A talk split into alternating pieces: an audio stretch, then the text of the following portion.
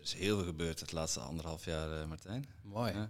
Vraag me af wat er nog meer allemaal gaat gebeuren in de aankomende anderhalf jaar. Dat uh, gaat alleen maar maal twee of maal drie of maal. Welkom bij de Tim Tom Podcast. Ik ben Timothy. En ik ben Tom. Samen zijn wij jouw GPS naar geluk en succes. Als je ja. wind in de zeilen zit, dan uh, als de wind in je zeilen zit, dan je voelt het echt. Ja, nou, je hebt natuurlijk al een mastermind hè, met z'n tweeën. We hebben in principe al een mastermind, ja. Absoluut.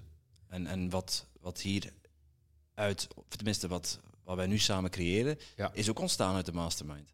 Ah. Ik ben, toen ik op het seminar was van, uh, van Maaike Pidarczyk in 2008, 10, 2018, uh, daar naartoe gegaan met de intentie om een mastermind te starten. En Tom die is daarin gestapt.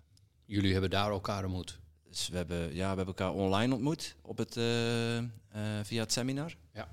We waren allebei bij, de, bij dezelfde seminar. Mm -hmm. Ik heb, uh, ja, toen in, in, was een Facebookgroep speciaal voor mensen uit België. En ik had er de oproep geplaatst van, ja, ik wil een mastermind. Nee, ik ga een mastermind starten. Niet ik wil, maar ik ga erin starten. Ja. Belangrijk verschil. En ja, wie wilde meedoen? En Tom was eigenlijk een van de eerste die op de, op de trein sprong. Dacht van, uh, ja. let's go. Goed gedaan. Maar soms is het wel uh, spannend. Nu zijn we met een team van tien mensen en wij kan soms wel even beangstigend zijn. Dat je zo in één keer uh, denkt, we, we zaten altijd in een roeibootje, maar nu hebben we een zeilschip. Dat je tien mensen dat je moet gaan aansturen. Oké, okay, ja, ja. marketing, wie sales, hoe gaan we dat in de wereld zetten? ja, en dat is even, wauw, dat is een sprongetje dat je maakt. En, uh, Moet je wel van bewust zijn dat je op een zeilboot zit. Want wij, waren, wij zaten ondertussen op een zeilboot en wij maar roeien. dat gaat niet. Nee, nee daar kom je niet vooruit. Er zit de rest ook te kijken naar ons van, ja maar gast, wat zou je hij kan doen? Want ja. dat, uh, we hebben, Mooi dat je daarvan bewust geworden bent. Wat gebeurde er op het moment dat je bewust werd? Hoe, hoe, hoe wist je bewust te worden?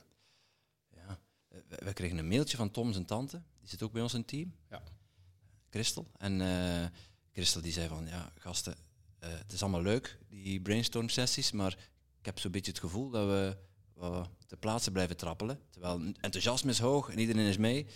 En uh, we willen die kant op, maar ja, hoe zit het nu eigenlijk? Wat is, wat is wake-up call? Ja, ja. een wake-up call. Het was een mailtje waar ze drie dagen over gedaan had om het te typen. Hmm, mooi. Het, het duurde ook effectief drie dagen om het goed te kunnen lezen. Van wat staat er nu eigenlijk allemaal in? het, waren twintig, het waren twintig vragen. Ja, het, oh. het waren, elke vraag was raak ook. Uh, we kunnen nog niet steeds niet op alles antwoorden. Jullie hebben haar aangenomen. Ze, jullie hadden al. Ja, ze was al aangenomen. Ja. ja. Nou, dan heb je een goede aan boord ja. van het schip. Zij zegt van, ja, ik voel me wel voel me er slecht bij om het te sturen. Ja. Wij, zijn, wij zijn er super dankbaar voor. Want zij, durf, zij durft dat tenminste te zeggen op die manier. En ja, daar stonden dingen in zoals, ja, wie is Toedeloe? Wat is Toedeloe? En wat voor bedrijfsvormen gaan we doen? En dat is leuk dat, dat wij uh, de intentie hebben om iedereen op, op gelijke voet uh, te zetten, of op gelijke voet te plaatsen. Ja. Maar dan nog zal er iemand uh, ja, beslissingen moeten nemen. ja, wij hadden dat allemaal in, al in ons hoofd zitten, maar nog blijkbaar nog niet duidelijk gecommuniceerd. Mm. En als wij erover spreken, dan is het alsof het er al is. Bij heel veel dingen. Als wij over dingen brainstormen of over dingen praten, dan, dan, is dat op een manier dat het er al is. En voor ons is het er dan ook al. Het is alleen een kwestie van tijd. Alleen niet iedereen is al zover daarin mee met het verhaal dat, om, om dat allemaal goed te begrijpen. En ja, dan, is het, dan is die wake-up call wel nodig om even wakker schudden en jongens, ja. je zit er niet meer op een roeiboot. Hè? Nee, zodat je uh, nog nu, meer kan zijn waar je nu wilt een schip, zijn. je hebt een crew, je crew is ja. op, op uh, orders aan het wachten.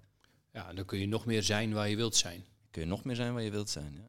Ja, is een ongelooflijke kracht. Nu dat je weet dat de neuzen in dezelfde richting staan, nu is het ja, oké, met al die potentie aan boord, is het de mensen op de juiste plaats zetten. En gewoon, uh, ja, wie gaat de marketing doen, wie doet de sales en uh, het groeikompas, de inhoud. En uh, ga je luisteren, wat doe jij graag? En zo gaat alles organisch groeien. Maar dat moet duidelijk uitgesproken worden en op papier gezet worden. En, Zeker, ja.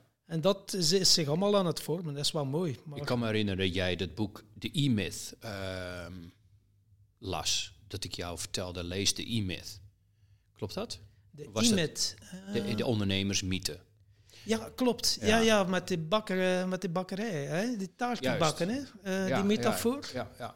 ja die Klopt. heb ik jou in de transformationele therapieopleiding volgens mij Ja, aangeraden. klopt. Want dat, dat doet me heel sterk denken. Dat boek is, is, lijkt wel alsof jullie ja, daar nu midden zitten of, of net uit zijn.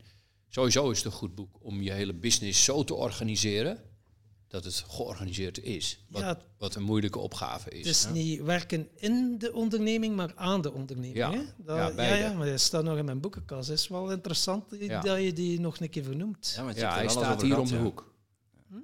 Hij, hij ligt hier om de hoek. Ah ja, Ja. dat is echt wel... eh waar is de tijd? Het is, Ja. het is, ja, Hier nu. Zeg je dat, op, op een of andere manier wel, ehm, of het allemaal heel toevallig is, weet ik niet. We hebben natuurlijk wel Think and Grow Rich gelezen. Tien keer, geen uitzondering. Eh, van voor naar achter, links, rechts, luisteren. Eh, dan een keer erbij pakken, nog een keer de, de, de, zelf, dat, de zelfinzichttest een paar keer ingevuld. Dus wij zijn met die materie bezig en dat zit in je onderbewustzijn en je pikt dat op. Begint dingen ook op een bepaalde manier te doen. Of je begint dingen aan te trekken, je zet dingen in werking. Effectief Think and Grow Rich toepassen. Eh, zonder het effectief heel bewust toe te passen, nemen we die stapjes onbewust. En wij hoeven daar ook niet over te spreken. We spreken bijna nooit over, zullen we, eh, ja, zullen we nu eens dit principe van Think and Grow Rich toepassen? Het is meer achteraf dat we dan bedenken, hey, de puzzelstukjes vallen zo in elkaar. Eh, wat is er hier gebeurd?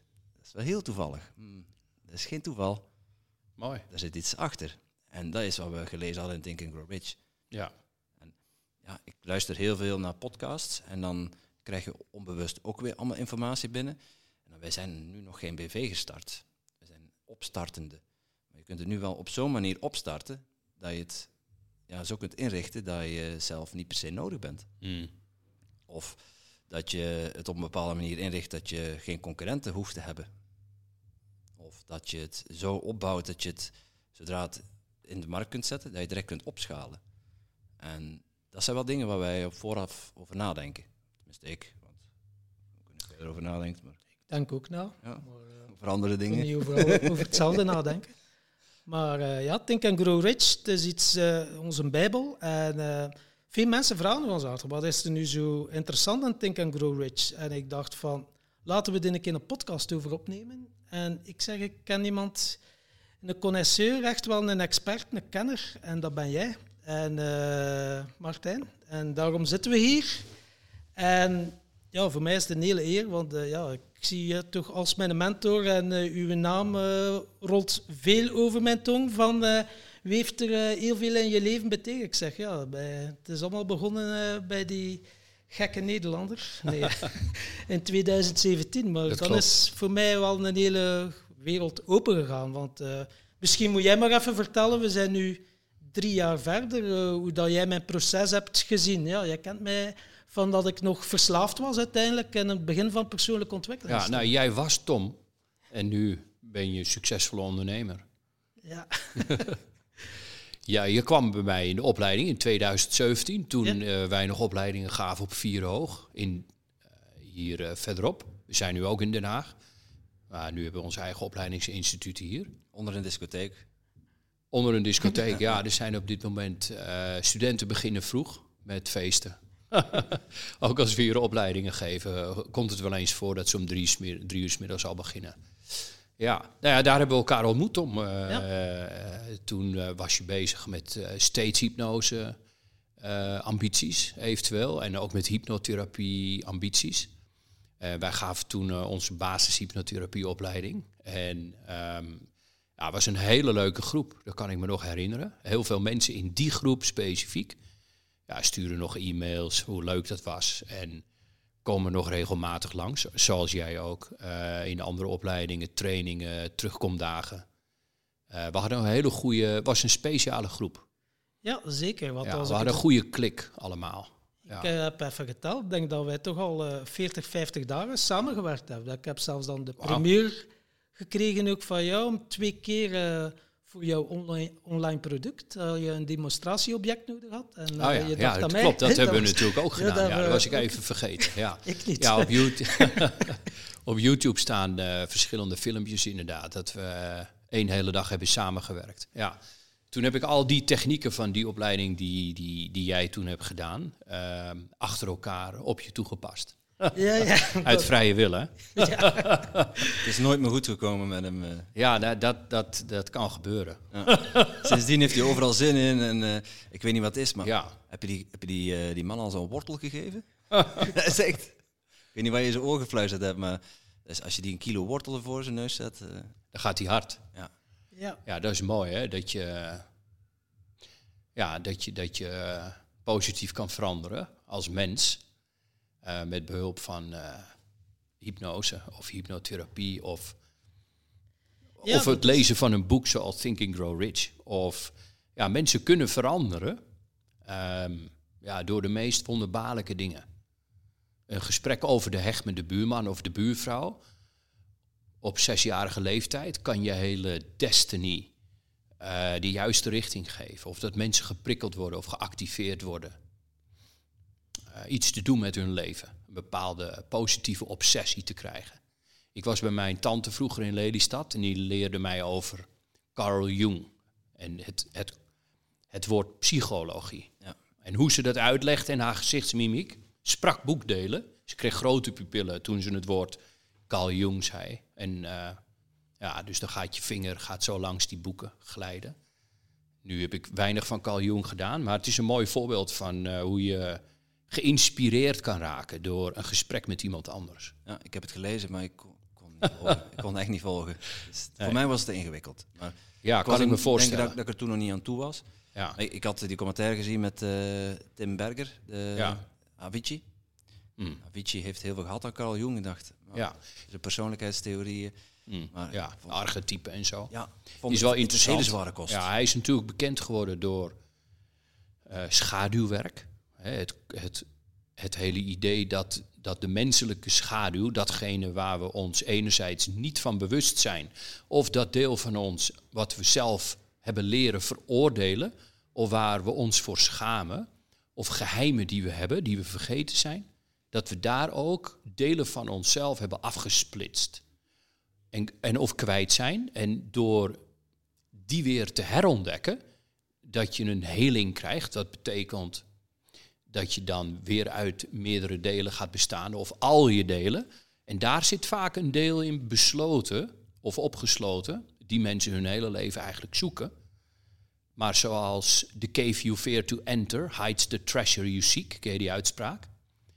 De grot waarin je het meeste bang bent om in te gaan, daar ligt de schat die je zoekt. En dat is een metafoor voor schaduwwerk. We willen onze schaduw niet zien. Maar goed, Carl Jung eh, heeft dat concept. eh, ja, dat is eigenlijk Jungiaanse psychologie, is werken met jouw schaduw. Datgene wat, wat mensen niet van hunzelf willen weten. En juist daardoor mee werken.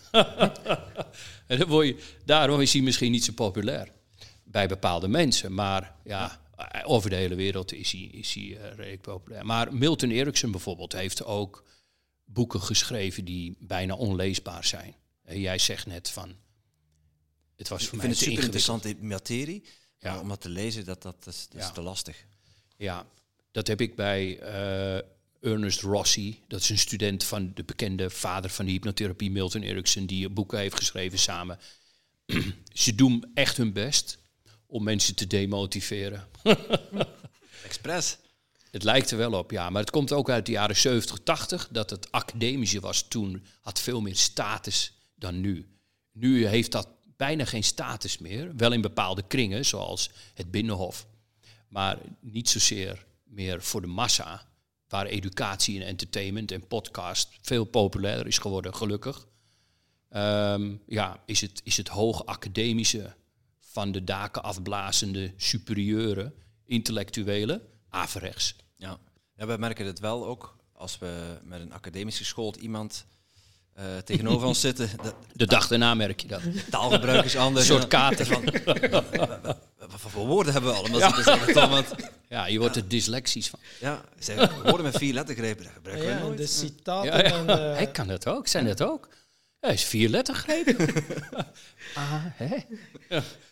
Maar eh, ja, Napoleon Hill, daar gingen we het over hebben. Hè. En eh, ja, ik zei het net al, jij bent wel eh, expert op, eh, je hebt die echt wel bestudeerd. Je hebt eh, zijn boek zelfs overgeschreven. Je hebt het volledig ingesproken op YouTube, dat je gratis kunt beluisteren.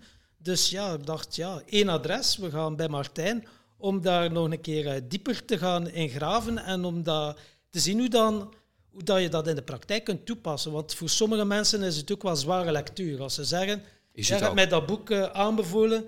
Oeh, ik heb eh, even gelezen, deze Ja. 20 bladzijden, maar eh, ja, dat is nog niet voor mij. Het zou bijna in de categorie passen waar we het net over hadden. Ja, Denk groot en word rijk, Nederland, in het Nederlands vertaald.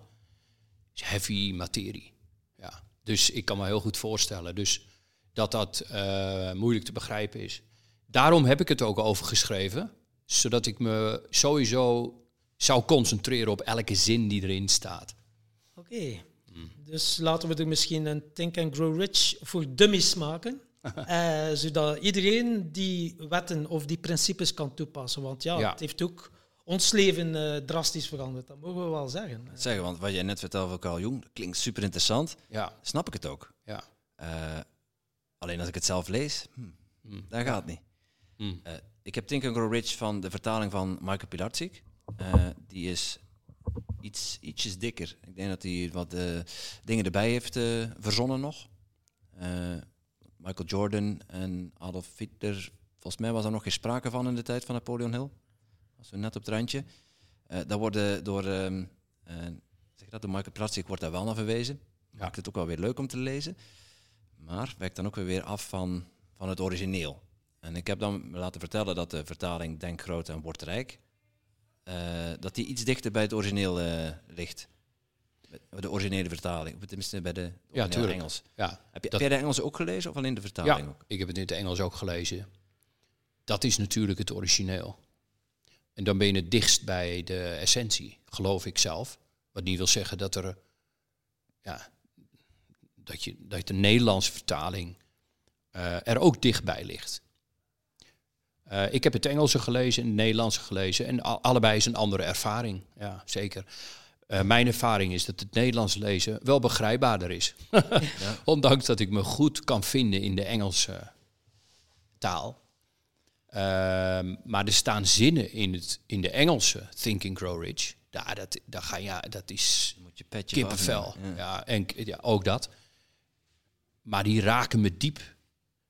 Die raken zijn heel zorgvuldig gekozen. Hè? Ja. Hè? Ze zijn ook heel zorgvuldig gekozen, denk ik. Want Ja. Napoleon Hill is ook wel een, een meester met woorden. Absoluut. Hij is hypnotiseur. Hij is ook een salesman. Hij is auteur. En hij heeft natuurlijk een opdracht gekregen van de rijkste man van de wereld toen de tijd, Andrew Carnegie, wat zijn mentor was. Ja, het is zijn hele levensmissie, letterlijk en figuurlijk. Hij, hij had ook, denk ik, ik vul dat een beetje in, de wens om, om het een van de beste boeken ooit geschreven te hebben. Hij is ook geïnspireerd natuurlijk door de Bijbel en dat soort grote boeken hè, die door de tijd heen meegaan. Ik durf bijna te wedden dat hij de intentie had iets soortgelijks te doen. Een legacy achter te laten. Nou, daar is hij best wel in geslaagd. We zitten niet zo gek ver van 19... Ik weet niet eens precies wanneer het geschreven is, ergens in 1930. 37, ja. Ja, dus daar zitten we niet zo ver vanaf als je gaat kijken eh, ja, over de hele tijdslijn van de evolutie heen. Ja, is dat gisteren? Ja. Eh, maar het Engelse raad ik je ook aan om te lezen. Ik heb toen op een gegeven moment van mijn eigen mentor, ehm, die regelmatig refereerde naar Think and Grow Rich, die kon daarover spreken op zo'n manier. Ja, dat raakte mij zo intens.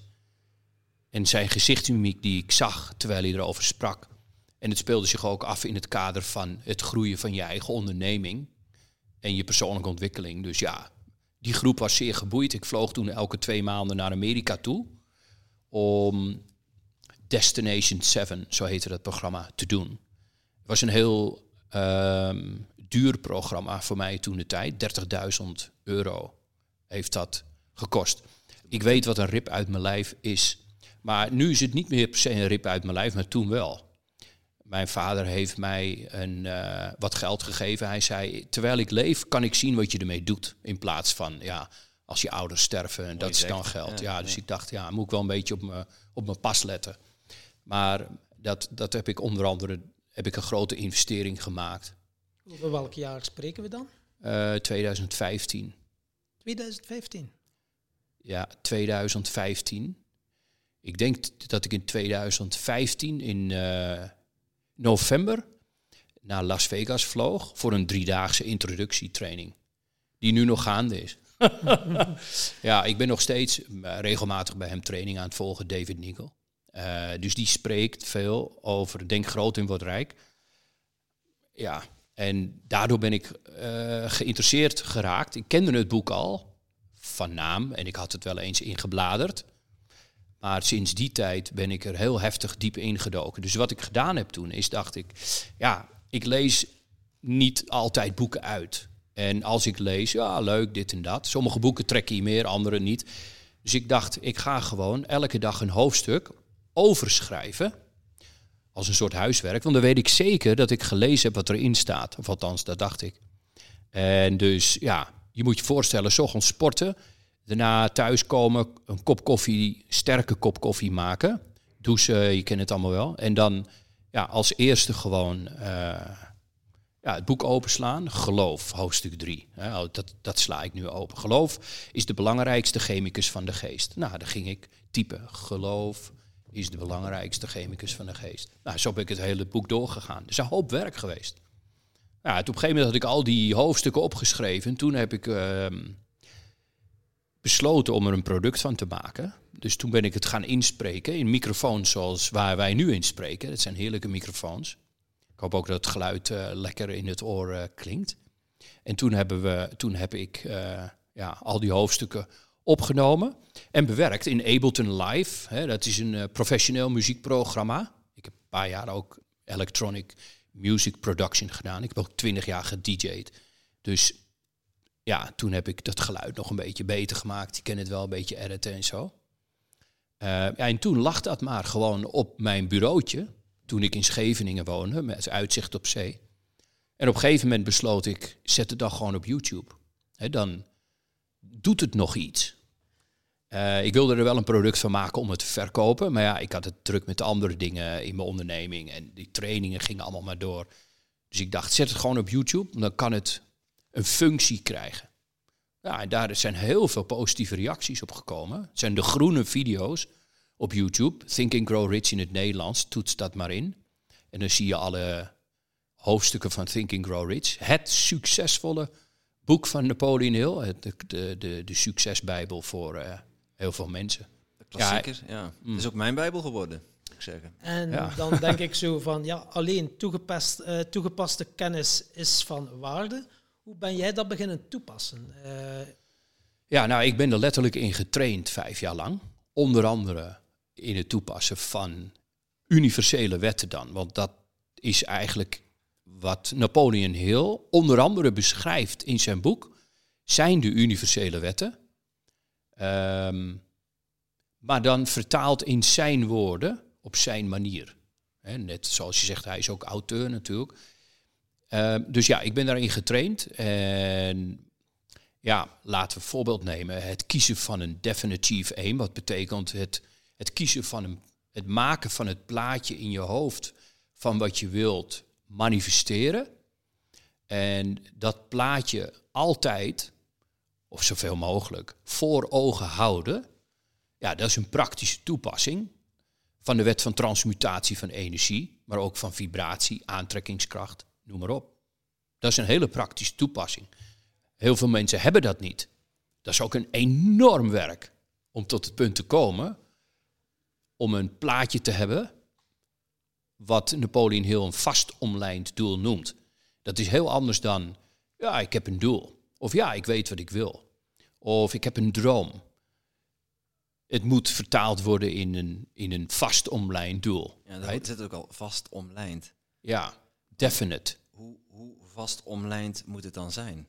Het heeft onder andere te maken dat je all in bent. Dat je een committering maakt met dat plaatje. We hadden bijvoorbeeld, hè, toen, toen Tom tegen mij zei, dat hij van jou geleerd, denk ik, suggestie bekken. Hij vroeg niet aan mij, we gaan een podcast starten. Hij zei tegen mij, wij gaan een podcast starten. Ik ga een podcast starten en jij gaat meedoen, zei hij tegen mij. Zo Ja. zei hij het. Ja. En, dan, En daarna- hier ben je. ik, ja, ik kon niet anders dan ja zeggen. Ja. Alleen daarna ga je dan nadenken, wat gaan we dan maken? Mm. Dan komt dat beeld waar je het net over hebt. En dan hebben wij tegen elkaar gezegd van oké, ik doe mee, maar we gaan wel een commitment aan met z'n tweeën. En we shaken de hands op toen dat nog mocht. Want we gaan 100 afleveringen maken en eerder kan het niet stoppen. Dus we committeren onszelf om 100 afleveringen te maken. En we gaan er minstens één keer in de twee weken in uitbrengen. Dat was voor ons toen het beeld. Mhm. We wisten ook van het eindplaatje is over twee jaar, dan hebben we 100 podcasts staan. Dan staat er aflevering 100, dan kon het zien, Ja. voelen. En we waren nog niet begonnen en het werden er één, keer per- één per week. Ondertussen zitten we aan nummer 70, dus het gaat aardig vooruit. Ja, je bent er bijna. Maar ja, het is wel daar in gang gezet. En Ja. als we toen niet dat tegen elkaar hadden gezegd van dat vast omlijnde doel van die 100 afleveringen, is, is dat dan voldoende om een vast omlijnd doel te hebben? Ja, dat kan voldoende zijn. Ja. Als dat plaatje tegelijkertijd iets in je activeert wat we een hartsverlangen noemen. Wat in het Engels desire betekent. hè. Wat eh, de starting point of all achievement is desire. Dat gaat nog verder dan het kiezen van een plaatje. Maar om het simpel te houden, ja, daar kan het starten. En daar is het toch ook gestart? Daar is het gestart. Ja, en ik weet zeker dat jullie er eerder zullen zijn dan, dan dat je had verwacht. Als je nu al op 70 bent, 70 podcasts gemaakt, gefeliciteerd. Dat is fantastisch. Ja, het is crazy. Het pad dat we afgelegd hebben, de mensen die op ons pad zijn gekomen en ze zeggen, hoeveel euro heb je er al mee verdiend? Nog geen zak hebben we ermee verdiend, maar het is gewoon onbetaalbaar. Ja, wat dat we al in de plaats gekregen hebben, trainingen, strategie-sessies, ongelooflijke ja, deuren die zijn opengegaan. Dat je anders Ja, jaren duurt voor, dat deur, voor die deur open te krijgen. En, eh, ja dus, dus dat, dat klinkt alsof er een nieuw plaatje aan het ontstaan is. Vanuit die podcast eh, zijn er ook nieuwe plaatjes ontstaan. En er komen heel veel plaatjes. Ja, en dan bedoel je het plaatje voor een, voor een vastomlijnd doel. voor een nieuw vast omlijnd doel. Ja, Naast hetgeen wat we doen met de podcast. Ja. ja mooi. En jullie, je vertelde me net dat, dat jullie nu tien mensen in je eigen onderneming hebt. Ja, ja ook Dus je hebt naast je podcastbedrijf een ander bedrijf van tien ondernemers. Ja. Hè, dat, Nee, ik- ik- oorspronkelijk... sorry, eh, tien, tien werknemers in nou je onderneming. werknemers, wer- tien, tien teamleden. team, Teamleden, ja, ja. freelance en eh, ja. ik kom nog uit de oude tijd, hoor je dat? Ja, werknemer, werkgever, ja. Ja. Dat eh, zijn allemaal werkgevers, toch? Of werknemers? ja, maar dat is te gek, toch? Dat je, had je verwacht dat je dat Nee. zou... Nee. Nee, nooit. Dus je maakte een plaatje in je hoofd van de honderdste aflevering van je podcast. En hier ben je ondertussen, doordat de deuren zijn geopend, ja, op, een nieuw, op een ander soort levenspad gekomen. Pure groei. Ja. En misschien ook een stukje tegenslag. Want ehm, Tom en ik zaten in een mastermind. Ik, eh, ik faciliteerde een mastermind eh, vorig jaar. En van daaruit is dat idee ontstaan voor de podcast. Maar de mastermind eh, voor mij was het idee om barista te worden. Dus koffie te gaan maken voor, eh, voor mensen. Mhm. Ik heb daar alles voor in huis gehad wat ik nodig had. Ik had ook een heel vast, duidelijk omlijnd doel. Ja. En de drive was er. Ik heb op drie maanden alle cursussen en alle opleidingen gevolgd die ik maar kon volgen. Mhm. Van latte art tot eh, ja, barista advanced opleiding. Mhm. Het is niet één opleiding, het was continu opleiding. En alle spullen gekocht. Een dure koffiemachine, eh, melkkannetjes, eh, zelfs een foodtruck had ik gekocht. En dan, daar ging het mis. Eh, De foodtruck, ja, hij moest nog gekeurd worden. En ik kreeg hem niet helemaal gekeurd, het was een heel oude kar. En eigenlijk diep van binnen voelde ik niet die desire die je net noemde. Terwijl de spark was er. Alleen de, ehm, het verlangen om, en ik zag mezelf echt wel staan, plaatje was er, maar het verlangen ontbrak. En dan ja, kwam dus tegenslag met die, met die koffiekar die ik niet gekeurd kreeg. En eh, ik kon ergens eh, eigenlijk al beginnen als, eh, als barista, maar dat was een selectieprocedure. Ja, ik moest een bepaalde creatie maken die ik nog niet helemaal onder de knie had. De, het deed nog maar drie maanden. Logisch, Mhm. maar ergens waren er gewoon voor mij ook duidelijke lessen van pats, pats, pats, rond je oren, even met de voetjes op de grond. Mhm. En als je dan de desire hebt om door te doen, Ja. dan, dan is je succes net één stapje verder. Maar Ja. ik besloot toen op te geven. Oké. Maar ja, wel overwogen opgeven. Niet, niet om te zeggen van oké, nu is deze tegenslag hier en dat zette me toen aan het nadenken. En ik van, wil ik dit echt? Ja. Wil ik dit ja toen, Echt. toen kwam je op dat punt terecht. juist? Dus de Toen tegenslag liet je dit zien. Ja, ik had die tegenslag nodig Om, om dat te zien. En als ik toen had gevoeld van ja, ik wil dit echt, dan doe je verder. ja, We hebben met de podcast ook al tegenslagen gehad. maar je zag wat anders. Maar ik zag dat toen anders. En met de podcast zie je het helemaal anders. Ja, Ja, maar ik bedoel op het punt dat je dacht, hé, hey, ik heb eigenlijk niet zoveel verlangen voor barista, als ik het goed begrijp. ja En ging in een andere richting koos je. klopt. Toen ben je gestart met de podcast. Toen ben ik gestart met de podcast. Ah, Oké, ja. Ja. En dat is dus het idee dat Desire de GPS is. Ja, dus ik had het eigenlijk al, al losgelaten, het, eh, barista worden. Ja. Ehm ben heel blij dat ik dat gedaan heb. Mhm. En het is ook leuk om, het is een heel tof product. Mhm. Maar ik wist dat dat niet mijn roeping was. Nee. Eh, ik, voel, ik voelde het niet. Nee, De desire ontbrak. Ja. maar wanneer je gasten thuis hebt, kun je wel een goede bak koffie maken nu, denk ik. ja, en ik kan Tom allerlei dingen wijsmaken over koffie. Zelfs al leren wat goede Ja. of slechte koffie is. Ja, vaak zie je dan dat datgene waar je mee bezig bent geweest, een puzzelstukje is in niets nog mooiers. Klopt. Hè, Wanneer je gasten hebt, kun je ze net wat betere koffie schenken dan eh, koffie wat je in een doorsnee café krijgt, dat meestal niet te drinken is. Ja, dat is dan het enige nadeel is dat voorheen vond ik alle, koffie, alle koffies lekker en nu niet meer. eh. Nee, nou, je bent nadeel, verwend geraakt, ja, dat heb ja, ik ook. ja. Ja. Wij hebben hier de Je weet Koffie niet wat je niet Company weet. Ja. en, en nog andere hier om de hoek. Ja, als je eenmaal dat hebt gedronken, net als, als hele goede wijn. Ja. Ja, ik drink één waar. keer per jaar wijn. van de meest dure fles die ik dan kan kopen. In de slijterij uit Italië. En dan laat ik me dan ook alles over vertellen om helemaal in de sfeer te komen. En dan drink ik één of twee glazen daarvan. Meestal gooi ik dan de rest weg. Vinden sommigen denken, wat? Maar ehm, ja, dat krijg je dan. Ja. Eh, maar goed, echte kwaliteit brengt altijd rust. En eh, over het hartsverlangen eh, gesproken, hoe heb jij dat ontdekt? Wat is jouw eh, hartsverlangen? Of is dat nog niet helemaal duidelijk? Oef, nou, op dit moment is dat helemaal duidelijk. Ja, dat is, ik heb altijd wel ehm, mijn hart gevolgd. Op heel veel momenten.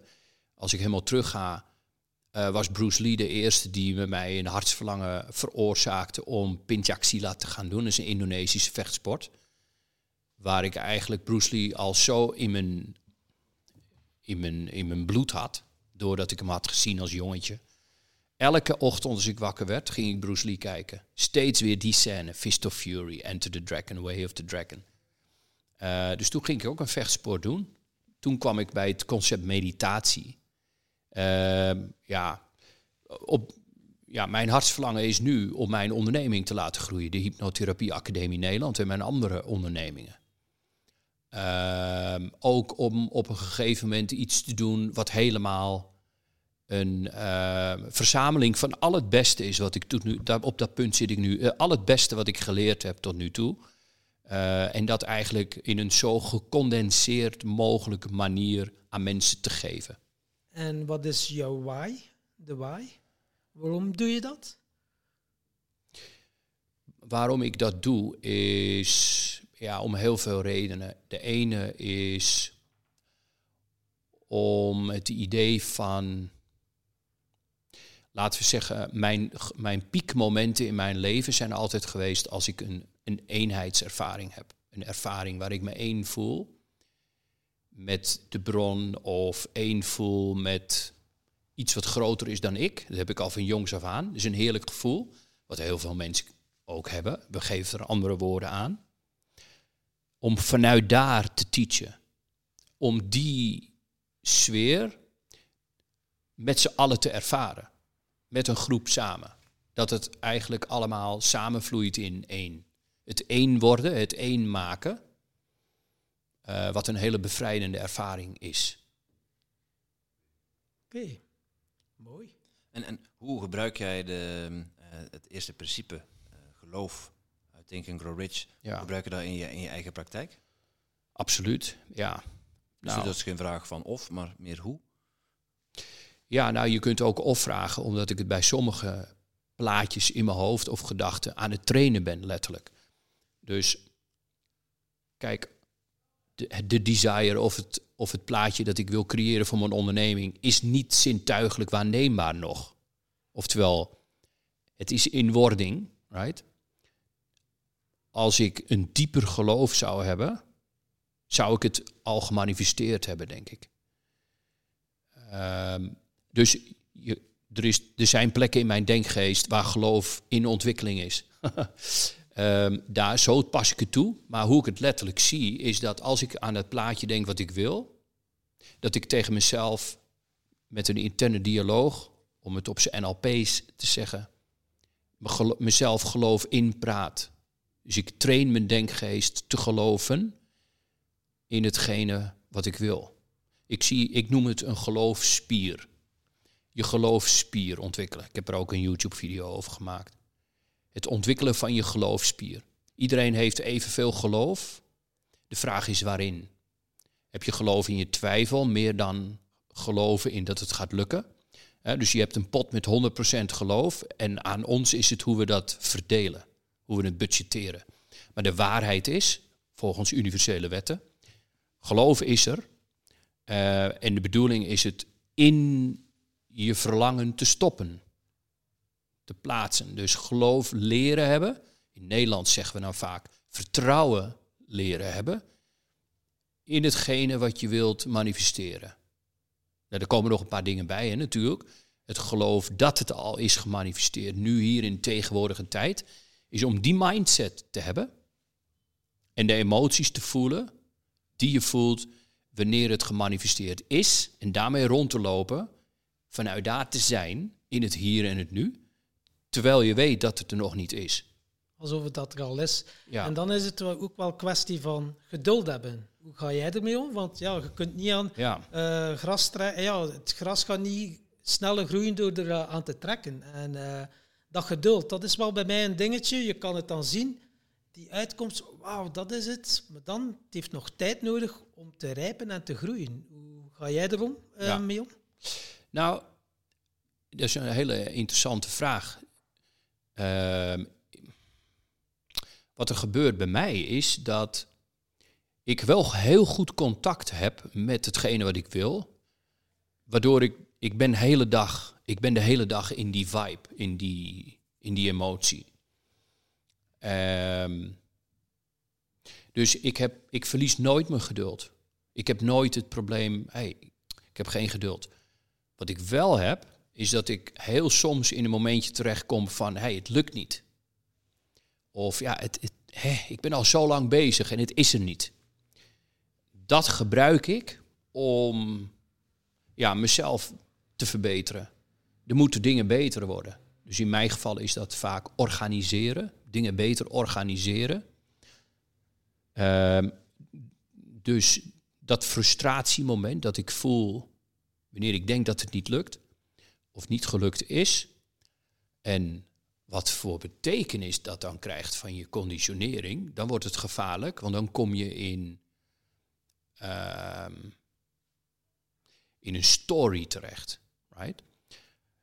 Anyway, dus ik gebruik die frustratie van hey, het lukt niet, als zijnde oké, ik ga, wat kan ik verbeteren? En, en dan verbeter ik bepaalde dingen en dan ben ik weer terug in motivatie en inspiratie. En dan ben ik weer in de mindset van, eh, ja, dan gaat het allemaal weer lekker, zeg maar. Jouw telefoon, Tom, want anders moet je hem opnemen. Hè? Ik, eh, ik weet het niet. hoor. Nee, het is, eh, het is mijn telefoon. Ah, Eh, maar laat maar eh, Eigenlijk moet, je, rinkelen. eigenlijk moet je dan opnemen, toch? Midden de... Ja, nou ja, we kunnen hem opnemen tijdens een, eh, maar die is waarschijnlijk, eh, Ja, je weet nooit wie je aan de lijn krijgt. Nee, dat is altijd een verrassing. Het is ook een podcast. Ja. Niemand weet wat er straks gezegd gaat worden. Dus. Mag, eh, Misschien is het iemand uit het verleden. misschien, nee, misschien is het Napoleon, maar Bonaparte of Napoleon Hill? Ja, het was mijn moeder. Napoleon. Je moet, ah, nou, Het je- was mijn had je moeder. best kunnen opnemen. Mama, als je luistert, ik hou van je. Kijk eens aan. Maar mijn moeder kan best wel even wachten, vind ik. Prima. Ja, hier kan alles. Hè. Het is een podcast, dus eh, we zitten niet bij het journaal. Ja, Dat zou een beetje raar zijn. Maar eh, ja, aan de ene kant zeg je van eh, het ehm, ja, geloof in je brein activeren. Het eh, anders gebruiken. De 100% geloof die je hebt. Je hebt altijd hetzelfde geloof, maar waar, ge- waar geloof je in? ja. Geloof je in je eigen kunde of in je eigen onkunde? En het is beide waar. Hoor ik je wanneer je het gelooft, is het waar. als je, het, als je het gelooft, is het waar. Ja. Ehm, Of hoe meer je het gelooft. Alleen, dan, Het is niet beide waar. ik, ik hoor jou... Nee, het kan niet allebei waar zijn. Nee, klopt. Nee. De keuze is aan ons. Ja. Dus je moet zelf kiezen van wat je waar vindt, of wat voor jou waar is. En als het te veel buiten je model van de wereld of comfortzone ligt, dat bedoelde ik met, dan moet je die spier trainen om te gaan geloven in iets wat je moeilijk te geloven vindt. Maar die activiteit op zichzelf is al een hele waardevolle activiteit van groei en ontwikkeling. En mindset, letterlijk. En dan ben je het ook al aan het, meer aan het manifesteren. ja. Maar dat, kun je dan vergelijken met water dat tegen een rots klotst en daar na ettelijke honderdduizenden jaren een grot van maakt. Of, of een inham of een fjord. Ja, Dat, je denkt van water kan rotsen eigenlijk niet vernietigen of kapot maken, maar als het maar vaak genoeg er tegenaan klotst, dan eh, gaat het vanzelf op een gegeven moment inslijten. ja. En dat inslijten, dat is het geloof wat je dan voor jezelf opnieuw aan het installeren bent. Begrijp ik hem zo goed? Eh, ja, en wanneer je een affirmatie herhaalt, zou, nog, zou voor mijn gevoel ook kunnen passen bij het ehm, water dat tegen een rots eh, door de tijd heen een spoor achterlaat. Dat het water tegen zichzelf zegt van, ik ga hier een gat maken. Ik ga hier een gat maken. Keer op keer, eigenlijk. Ja, daardoor af- af- ontstaat ook geloof. Affirmaties, eh, Martijn, voor degene die, wij zijn ermee bekend, maar voor degene die er niet mee bekend zijn, kun je kort uitleggen wat het is? Affirmatie is een suggestie van jezelf tegen jezelf.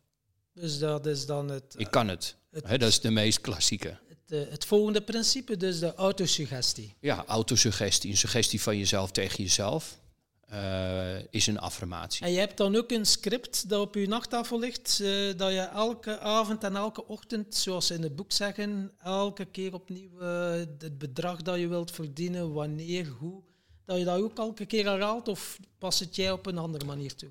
Ja, nou ja, bijna. Ik heb het geplast. Ik heb mijn script geplastificeerd in de badkamer hangen. Dus ik douche twee keer per dag. En op dat moment. Koud? Wim Hof? Of Nee, nee. nee, zo stoer eh, ben ik 's ochtends niet. S'avonds ook niet. Ik heb wel periodes gehad dat ik dat heb gedaan. Ik heb ook zijn boek hier. Ja, super te gekke methode. Maar zelf douche ik warm. En dan kijk ik naar mijn script en dan lees ik het script hardop voor. Eh, en ik geef dan ook mijn eigen affirmatie eh, met mijn eigen stem. Ja. Hardop. Ik, Martijn Groenendal, ben zo blij en dankbaar dat ik nu... En dan geef ik de affirmatie of de suggestie of de uitspraak die ik zal manifesteren binnenkort. Ja. Eh dat komt regelrecht van Bob Proctor, hè? Ik, Martijn Groenendal, ben zo blij en dankbaar. Dus er zit ook dankbaarheid in, hè? Wat een universele wet is. Blijheid. Hm? Blijheid. Een positief gevoel. Positieve Ja, emotie erbij. ja. En dat, Er zit ook een blije, positieve emotie bij, klopt. Pas dan is het eh, effectief. ja, dus affirmatie kan niet werken als je hem niet gelooft en niet voelt. Is het dan, Ehm, ja, wat je dan krijgt is dat, dat je onderbewustzijn en, zoals Napoleon Hill het noemt, oneindige intelligentie er niet bij betrokken is. Dus je hebt je verstand, je hebt het deel van jezelf wat je emotionele geest is, waar je emoties vandaan komen. En je hebt, laten we zeggen, de bron, spirit, God, het universum, wat voor woorden je er ook aan wil geven. Dat zijn er drie. Is de heilige drie-eenheid. Dus je kan tegen jezelf zeggen, ja, ik kan het, ik kan het, ik kan het, ik kan het. Maar geen geloof, dan heb je niet je emotionele geest aan boord. Zodra je wel een, een geïnspireerde autosuggestie geeft met emotie, dat kan elke emotie zijn, blijheid. Dankbaarheid is dan een van de hoogste frequenties. Geloof, heeft Napoleon Hill onderzocht, is de grootste chemicus van de geest. Omdat wanneer de affirmatie wordt verbonden met geloof, pam, op dat moment wordt het gestuurd naar oneindige intelligentie. De bron van waaruit alle creaties komen. De architect maakt een, uh, een stoel, maakt een tafel, creëert een huis, heeft contact met de bron. Dus ja, een affirmatie die, waar geen geloof in zit, geen emotie in zit. Ja, dat, dat klopt. Dat kan uh, dan uh, veel langer duren, tot bijna onmogelijk. Omdat je hart er niet in betrokken is en je ziel niet. Daar komt, denk ik, vandaan met hart en ziel iets willen of bezield zijn, wat heel positief is. Um, ja, boem, ja, dan ben je natuurlijk, uh, dan heb je de krachten geactiveerd. Dat is That's one of the secrets. Ja, mooi. En dat blij, die blijheid, die positieve emotie erin, uh, dankbaarheid ook belangrijk. Waarom is dankbaarheid zo belangrijk? Dankbaarheid is. Uh, dankbaarheid creëert geloof, omdat het suggereert dat het geschapen is of gemanifesteerd is. En daar ben je dankbaar voor. Ja. Dus je bent al dankbaar in je hoofd zeg je dan eigenlijk, het, het is er al en ik ben er dankbaar voor dat het er is. Ja, net zoals je dankbaar zou zijn wanneer het er echt zal zijn. Ja. En de geest die dankbaar kan zijn voor iets wat er nog niet is, is de geest van geloof. Ja, want als ik tegen jou zeg van iets staat een glas, en je doet je ogen dicht en het glas staat er nog steeds, maar als ik het wegneem en jij denkt dat het glas er nog staat, staat het er nog. Ja, ja. Omgekeerd werkt ook. Als ik, als ik zeg tegen, tegen jou, doe je ogen dicht en ik zet een glas neer. Ik zeg tegen jou, Martijn, er staat een glas voor, jou, voor je neus. Mhm. Maar het is een plastic bekertje. Weet jij veel. Ja. Je hebt je ogen dicht. Maar in je hoofd staat er een glas. Mm. Exact. Ehm, dat, is, dat is dan eigenlijk wat je met, uh, met affirmaties, met, met die autosuggestie eigenlijk fop je je geest door um, woorden of uh, zinnen te als een mantra te herhalen en te herhalen, te herhalen, mhm. zodat je ze gelooft, zodat je ze voelt en zodat het zich ook kan en mag manifesteren. Ja, omdat de bron namelijk alleen maar kan manifesteren en voortdurend manifesteert. En aan ons is het de taak om te kiezen wat we willen manifesteren in ons leven. Nou, je ziet in de meeste mensenlevens zijn angsten en zorgen spelen de hoofdrol, omdat de geest gevuld is met angsten en zorgen. Dat is trouwens een sterke emotie. En de bron ziet dat als oké, eh, dat ontvangen we dan. Dus dan heb je een affirmatie. Waarom lukt het mij nooit? Ik hoop niet dat het lukt. En hoe meer geïnvesteerd je bent in die gedachte, dan is je geloof geïnvesteerd in die gedachte. Dan werkt het exact op dezelfde manier. Maar dan manifesteer je iets wat je steeds voor ogen had, wat je vrees en dat betekent ja, dat, je, dat je dan ook de werkzame ingrediënten hebt gebruikt, alleen dan uh, maar niet voor het goede. Ja.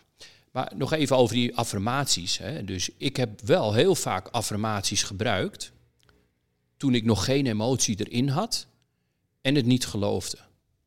Nou, ik geloofde het wel genoeg. Anders zou ik het niet zo lang hebben gedaan. En wat, hoe het mij hielp, is, ik heb tijden gehad dat ik zo, ja, zoveel negatieve gedachten had. Um, en niet manifesteerde wat ik wilde. Dat ik begon met een affirmatie over wat ik wel wilde.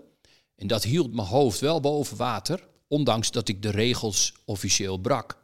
Maar ik, ik, ik kon het niet beter dan dat doen.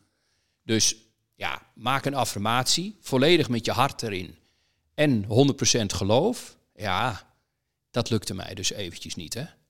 En het geloof erin de, en het gevoel erin aanbrengen bedoel je, lukte je niet? Nee, helemaal, uh, ja, misschien wat meer angst zelfs dan, dan geloof. Maar puur door het te herhalen. Je kunt het een beetje vergelijken dat je het gevoel hebt dat je verzuipt. Omdat die rivier je zo hard meetrekt. Maar ik had een stok om me aan vast te houden. Dus niet de ideale plek om te zijn, hè? Nee, dat klopt. Want ik was ook niet in de ideale plek om te zijn. Maar de affirmatie was de stok die, waar ik, waaraan ik me vast kon houden. Terwijl ik ja, zo uh, hun kant op ging dat ik niet wilde. Ja, die stok werd groter en groter en groter, tot ik op een gegeven moment aan wal kon gaan. En zo is het stap voor stap verbeterd. Ja. Oké, ja. Dus het was eigenlijk, we gaan vast en eerst doe je het enkel met woorden, maar dan ineens komt dat gevoel erbij en komt alles één. Wordt alles één, zodat je het ook wel voelt. En als je dan een vast omlijnd doel hebt en dat gaat dan ook een bijdrage leveren aan het grotere geheel, dan gaat het ook wel sneller manifesteren. Als je zegt, ik wil een, een, een rode Ferrari. Je, gaat ja, je schrijft op een papiertje, een mooi voorbeeld. Mhm. Ik wil een rode Ferrari. Ja. Je gelooft dat echt, je wil dat echt. Ja. Je voelt het. Ja. Je voelt dat je er heel blij mee gaat worden. Je doet je ogen dicht, je ziet hem voor je, je ziet je erin zitten, schakelen. Ja. Alles erop en eraan. Dan ga je op een kussentje zitten, mediteren en uh, ja. En dan komen ze dat ding brengen of uh, komt dit de lucht vallen? Nee, maar je hebt wel in ieder geval één ingrediënt in de pan om de maaltijd te gaan bereiden die je wilt. Dat is namelijk voor ogen hebben wat je wilt. Maar er komen andere ingrediënten bij. Je zou kunnen zeggen, ik wil kip curry maken, ik heb rijst in een pan, maar ja, ik zie geen kip curry. Nee, er moeten meerdere dingen bij. Onder andere, ja, oorzaak-gevolg. Dus de Ferrari die je wilt in dit voorbeeld, is niet een oorzaak. Maar het is een gevolg, zal het zijn, van je denken, voelen en acties lang genoeg. Tot het punt dat ja, jij uh, die Ferrari dan hebt.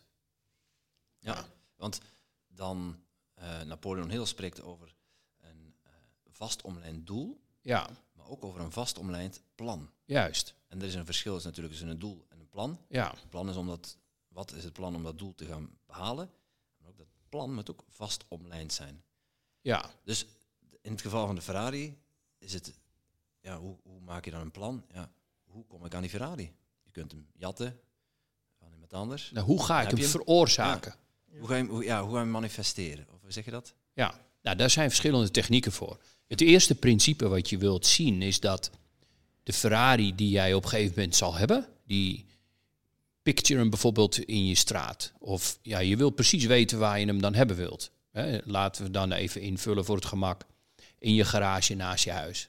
met een grindpad ervoor. Ja, het liefst je eigen garage en niet die van de buurman. Ja, natuurlijk. Als je een Ferrari neemt, neem dan ook gelijk je eigen garage. Ehm, dus dat, is een, dat zal een gevolg zijn. Net als je een bord spaghetti op een gegeven moment op tafel hebt, zijn er een aantal stappen aan vooraf gegaan. Dat is de oorzaak. Het bord spaghetti op tafel is het gevolg. Dus er is een universele wet van oorzaak en gevolg. Dat is ook karma. Karma betekent dat je in situaties bent en dat je reacties krijgt van jouw acties. Dus je moet jezelf gaan zien als de veroorzaker, omdat je de veroorzaker bent. De schepper van de Ferrari ben jij. Niet, niet per se het universum, God, spirit. Maar dat is wel waar je het mee samen doet. Dus met andere woorden, het plan. Ja, dat kan van alles zijn. Dus hoe kun je een plan maken? Nou ja, je kunt bijvoorbeeld reverse engineering doen. Wat moet er gebeurd zijn? Zodat ik die Ferrari in de garage heb. Nou, ik heb hem opgehaald bij de fabriek of bij de dealer. Ah, wat is dan vooraf gegaan? Nou ja, ik had een koffer met geld bij me. Ah, welke Ferrari wil je? Welk model? Wat is de prijs daarvan? Ga je hem leasen? Ga je hem kopen? Dan ga je een echt plan maken. En zo zou je een plan uh, kunnen maken. Het plan kan veranderen, alleen het doel niet. Dus. Um, ja, ja, je bedoelt, je, je reversed engineert het. Dus je, bijvoorbeeld, het zijn ook andere manieren, maar dat is dus één manier. Uh, weet die? van ehm, Stephen Covey heeft er ook over geschreven, over het ehm, begin, begin with the end in mind. Ja, begin with the end in mind is de universele wet. Hè? Eigenlijk het reversed engineeren. Dus Ja. begin with the end in mind, kijk naar je einddoel, Ja, je vast omlijnd doel, Ja. kies dat. En ga dan terugdenken van welke stappen eh, moet ik nemen om dat doel te halen, of welke stappen zou ik kunnen nemen om Ja. dat doel te kunnen halen. precies. En dan eh, ben je bij het punt, oké, ik moet geld hebben. Die geldkoffer, die, eh, precies. Ja. Ja. daar word je dan van bewust. en dan heb je weer keuzes terug. Hè. Ik kan een bank overvallen of ik kan er hard voor werken. Dan is er ook nog ethisch doen. Ja. dan is er ook nog een wet, eh, Ja, specialistische kennis. Dus eh, hoe ga je hoe dat geld verzamelen om, eh, om die Ferrari te kopen? Ja, ja dus de vraag die ik mezelf stel en heb leren stellen is... welke oorzaken moet ik in beweging zetten... zodat ik het gevolg krijg dat ik wil? Dus als je de Ferrari dan neemt in die vergelijking... dan is de Ferrari het gevolg. En welke oorzaken moet ik in beweging zetten... zodat ik de Ferrari manifesteer? Nou, dan krijg je de antwoorden vanzelf, omdat je de vraag stelt. Ehm, en die hebben altijd te maken met andere gedachten, andere gevoelens en andere acties. Maar het belangrijkste eerst is dat je het plaatje hebt. En dat moet een plaatje zijn dat je in vuur en vlam zet. Anders ga je. Anders zit je niet met hart en ziel erin. Dus heel veel mensen denken een Ferrari te willen. Maar de vraag is: wat is het dat je echt wilt? Die vraag stuurt je rechtstreeks naar je eigen desire toe? Dat is een moeilijke vraag, vind ik zelf. Want ik wil de mensen hun hoofd omdraaien als ik voorbij kom rijden. Ja. Je kunt ook een oranje pruik opzetten. Ja, meestal is dat toch niet wat je echt wilt. Want dan hoor je mensen die het hebben en zeggen: ja, het was leuk voor een paar weken. Maar het, het is niet werkelijk vervullend. Ehm, of het is onderdeel van wat je nog meer wil. De vraag is wat je echt wilt. En daar een plaatje van maken. Nou, stel dat het de Ferrari is, hè, om het daarbij te houden. Ja, dan is de volgende vraag: welke oorzaken moet ik in beweging zetten zodat ik het ga manifesteren? Ja, dan wordt het een positieve obsessie. Ik ben positief geobsedeerd door mijn doel, gelukkig. Ja, ja Wij ook behoorlijk. Onze, ja. Ja. maar ik denk dat altijd een bijdrage moet leveren aan het grotere geheel. Als het is om met te pronken, dan wordt het moeilijk om dat te manifesteren. Maar als het is bijvoorbeeld om eh, ja. eh, een goed werk, om oudjes te gaan ophalen en eh, ja, om eh, die eh, van A naar B te brengen, kan het maatschappelijk dan wel eh, Ja. beter geplaatst worden. Ja, maar als je je echte verlangen hebt, dan, dan is dat ingrediënt er altijd. Want het verlangen komt niet van jou namelijk. Wanneer we ons verlangen hebben ontdekt, ontdekken we het, maar we hebben het niet gekozen.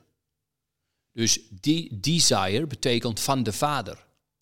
Het is je roeping. Dus je voelt je geroepen. Dus dan, dat betekent dat je eerst goed moet luisteren of invoelen wat jou roept. Daar kan pronken wel een onderdeel van zijn, maar er is, het is meer dan dat. En met andere woorden, als je dan die roeping hebt gevonden en volgt ehm, en gelooft, ja, dan zie je dat je dan automatisch altijd meer leven veroorzaakt met het bewandelen van dat pad. Kijk bijvoorbeeld naar een danseres, een zanger of een zangeres, zit ook pronken in, maar tegelijkertijd zitten er ook aspecten van meer leven in. Dus het verlangen van de bij is zo diep. Die kan niets anders doen dan dat. Die is in het DNA geprogrammeerd. Niet, niet zijn verlangen te doen. Met andere woorden, die is geprogrammeerd door de natuur om alleen maar te zoomen. En van, bij, van bloem naar bloem te gaan en honing te doen. Dat heeft een positief effect op het ecosysteem. Ik geloof dat, dat wij als mensen, wanneer we ons verlangen te pakken krijgen, zicht krijgen erop, ja, dan, dan hebben we dat ook. Het is altijd iets voor het goede. Het is niet, we moeten ons niet de vraag stellen, eh, wat willen wij van het leven, maar wat wil het leven van ons Ja, uiteindelijk. wat wil het leven van ons? Wat wil het leven van mij? Ja. Ja. wat wil het leven van mij? Ja, en Ja. iedereen heeft Maar dan wel- komt er wel een beetje de vraag wat je dan gaat projecteren, of je brein zou projecteren in het idee van leven. Eh, ik denk de vraag, wat is het dat ik echt wil? eh, dat dat een van de beste vragen is om erachter te komen. Ja, wat het en is. eh, mensen die nu zeggen, ja, wat wil ik echt? Ja, ik wil eh, meer geld of ja, dat is dan heel vaag natuurlijk. En ja, dan is het zo'n beetje zoals in een postorderbedrijf. Hè. Ja, wat wilde? Als je zegt een broek, is de kans groot ja, dat het niet de broek is die jij precies wilt. Maar als je zegt, ik wil, voorraad ik wil een rode broek, maatje 32, die kleur, dat, eh, Ja. dat model, ja, Ja. dan wordt het... Dus het is ook wel het specifiek en zo helder mogelijk eh, krijgen natuurlijk. En, eh, ja, maar meer geld, wanneer iemand dat verlangt, heel veel mensen verlangen dat, staat vaak symbool voor wat ze dan, wie ze dan kunnen zijn, wat ze dan kunnen doen, wat ze dan kunnen delen en wat ze dan ja, kunnen doen met de investeringen. Dus het is altijd waar het geld symbool voor staat. Dat kan puur ego zijn of gebrek aan eigenwaarde camoufleren. Ehm, maar in wezen eh, veroorzaakt een, een echt verlangen dat mensen hebben, ja, is net zo mooi als in de natuur. Ja, dat, dat het een positief effect op de omgeving heeft. ja, het is niet wie, wie ben ik, maar wie wil ik worden uiteindelijk. Die vraag... eh, Ja, wie wil ik worden? Maar desire gaat over wie wil ik zijn? En eigenlijk is dat de vraag, wie ben ik eigenlijk? mhm. En als je dat niet moeilijk vindt, ja, wie wil ik niet zijn? Wanneer je die vraag stelt, moet je door alle lagen heen gaan van onwaarheden die eh, er zijn aangepraat. De conditionering dan, de verhalen en zo. Ja, de conditionering van je vader en moeder. Ehm, de conditioneringen van de maatschappij. En ehm, ja, de conclusies die je zelf hebt gegeven als kind helemaal tot nu toe. Zijn meestal niet afgestemd helemaal op het verlangen. Althans, als ik voor mezelf praat. Mijn ouders vroegen mij niet, wat is het dat je echt wilt? Met heel veel enthousiasme erin en de nadruk op echt. Mijn, mijn ouders zeiden, ja, je moet zelf erachter komen wat je gelukkig maakt. Bestaat God, vroeg ik. Ja, daar moet je zelf achter komen. Wat, wat is beter, boeddhisme of islam of hindoeïsme? Ja, dat moet je zelf gaan ontdekken. Ja, op zich is dat wel goed geweest om dan, ja, dacht ik, ja, fuck, moet ik alles gaan ontdekken. Ja, Super tof, daar moet je dankbaar voor zijn. ja achteraf wel. Achteraf gezien. Ja. Ja, dat is ook makkelijk geweest als iemand je dat kan vertellen. Maar ja, achteraf bekeken is dat juist, eh, zou dat dan ook weer een van de laag kunnen zijn. Maar wat is het dat je echt wilt? Ja, dat is dus een vraag die, die we niet geleerd zijn, althans ik niet, om aan onszelf te stellen. Want dan kom je erachter, letterlijk, want een vraag stuurt naar het antwoord toe, wat dan dat verlangen is. Er zit iets in je, wat ik een blauwdruk noem, wat expressie wilt krijgen. Nou, dat, dat betekent ook, eh, zoals Wallace Wattles zegt, spirit is always for fuller expression. Het is altijd meer leven. Dus, dus er zit een blauwdruk in je, zaad zit er in je. Ja, en dat, de, daar zit een blauwdruk in van de rijkste versie van jezelf. Wat dat ook mag betekenen voor je. Hoe kom je erachter? Nou ja, door erachter te komen wat je echt wilt. Je passies wijzen ernaar, dingen die je raken wijzen ernaar, dingen die je ontroeren wijzen ernaar. Alles wat betekenis voor je heeft, wat je werkelijk diep raakt. En ook andere mensen die je ziet, die jou diep raken, meestal die hun grootsheid expressie geven die je ziet, dat je tot huilen aan toe kan brengen. Heb je dat wel eens gehad? Dat je iemand iets ziet doen of ziet zeggen. Ik heb bijvoorbeeld bij Martin Luther King, dat ik de eerste keer Martin Luther King hoorde spreken, hoorde spreken, was trouwens in een house music track. Op mijn koptelefoon, een house nummer, right? Ehm, maar ja, ik huilde, ik barstte, ik dacht, ik, ik werd zo diep geraakt. Wist niet eens wat hij zei. Eh, maar gewoon zijn tonatie. Rafa Nadal kan mij ook, ja, niet dat ik ga huilen van triestheid, maar gewoon van, wauw, Je wauw, wat een doorzetter. ja. Dat, dat, daar, sorry, daar, daar zit je, ik stoot hier voet aan. Daar zit, ehm, ja, dat, dat raakt je verlangen. En ik, ik heb dat bijvoorbeeld bij eh, dingen waar ehm, zo en masse ehm, steun betuigd wordt. Bijvoorbeeld als er iets ergs gebeurd is of van, Mm. als er, dat kan me echt, dat kan, dat kan ik heel, dat kan heel heftig binnenkomen. Van de, ja, zeg je dat? Het, eh, het saamhorigheidsgevoel. Mm, ja. Ehm. Wanneer had je dat voor het laatst? al even geleden. Ja. Maar, ehm, dat er iets goeds gedaan wordt voor ja, de er iets- mensheid. als er iets goeds gedaan wordt voor de mensheid, ja. En dat er dan dat er niet over gediscussieerd hoeft te worden of dat wel of niet goed is. Mhm. Maar dat dat collectief beslo- besloten wordt. Zonder dat er daar een ja of een nee op gezegd wordt. Ja. Ehm, voor, voor mij dan, bijvoorbeeld eh, met die tsunami eh, eh, Japan, maar ook in, eh, in, Azië. Dus, in Azië, Japan. Ja, bij Zuidoost-Azië of in Oost-Azië. Ik zal nader eh, specificeren. Thailand. Thailand. Weet je nog de plaats ook, Tom? Het strand wat gebeurd is? Phuket. Tijdstip? 25 december. ja, die grote tsunami, die, eh, Ja, die. is dat in 2005? Vijf- dat ja, dat was op tweede kerstdag, denk ik, of kerstdag. Ja, ja, kerstcadeau. Ja, en dan, het maakt nu niet uit wat, wat, wat, er, wat er precies gebeurd was, maar dat had bij mij indruk gemaakt. Ja, Eh, het was gewoon hele stukken, hele dorpen waren gewoon weggevaagd. Gewoon ja, in één keer verdwenen. ja. En als er dan van, die, als er dan van initiatieven komen en eh, ja, er wordt dan aan bijgedragen, goederen, eh, en mensen tonen, tonen echt het beste van zichzelf. ja. Dat zijn dingen die, die komen bij mij binnen. Mooi. Ja, bijvoorbeeld acties zoals Glazen Huis, dat als, dan, eh, als ik dan zie hoeveel geld ze opgehaald, heb, Ja. opgehaald hebben, waar het dan vervolgens allemaal blijft hangen, dat weet ik niet. Daar Mhm. denk ik dan niet over na. Maar het gevoel dat al die mensen zoveel hebben gegeven, dat, dat komt daar binnen. Ja.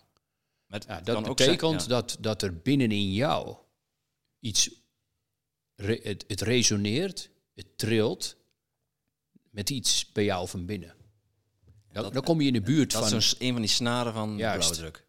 ja, dan kom je in de buurt van, van, eh, van desire.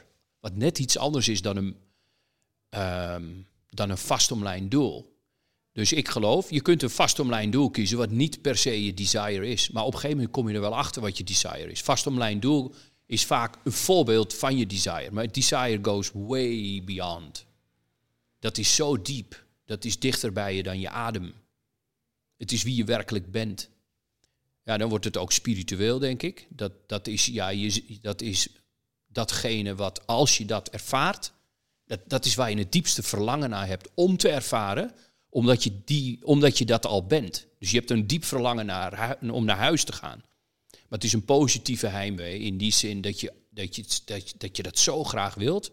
Omdat wanneer je dat ervaart, ja, dat je dan eenheid ervaart met jezelf, omdat je dat bent. En iedereen heeft dat net op een andere manier.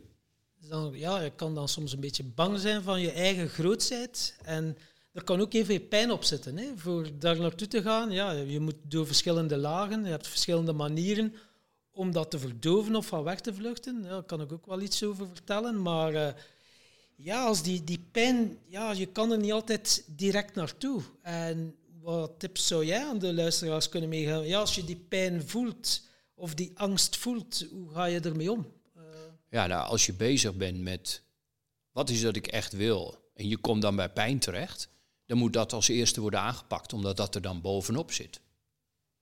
En wanneer je dan, dat, wanneer je dan die pijn hebt aangepakt, ja, dan, dan wordt je desire steeds zuiverder en makkelijker toegankelijk.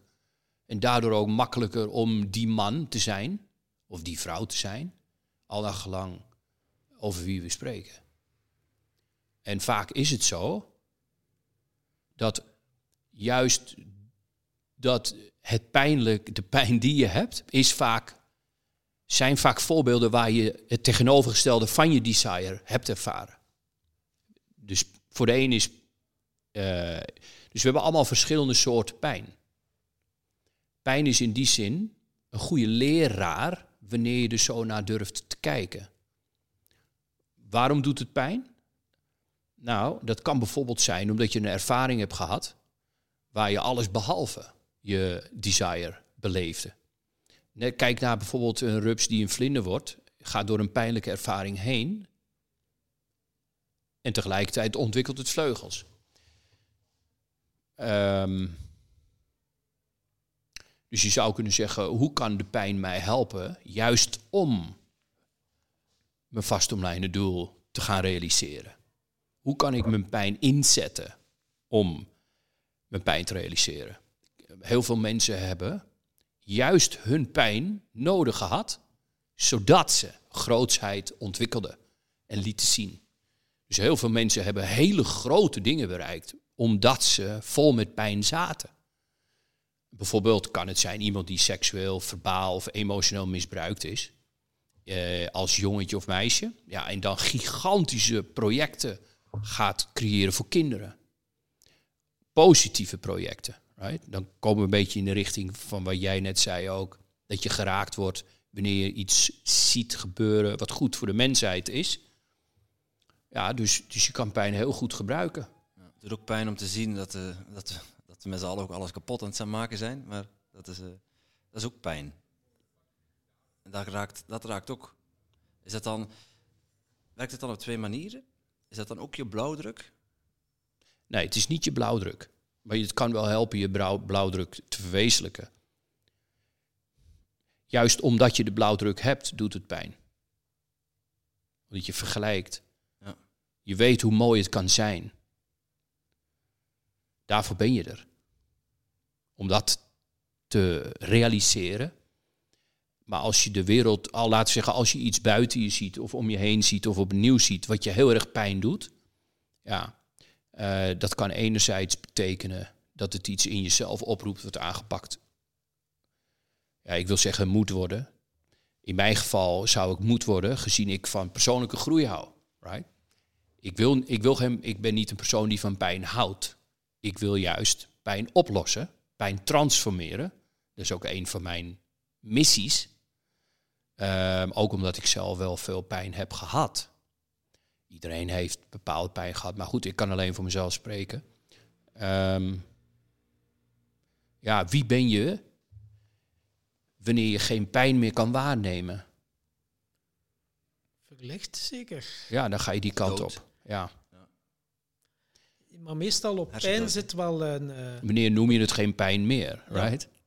Het is een en-en verhaal. Ja, die pijn heb je ook wel nodig om tot die volmaaktheid te komen. Maar meestal zit er wel nog schuld of schaamte op. En het is dan ook om het vanuit een ander perspectief te zien. En ja, dat, ja. daar ga jij daar ben je ook wel expert in via hypnose.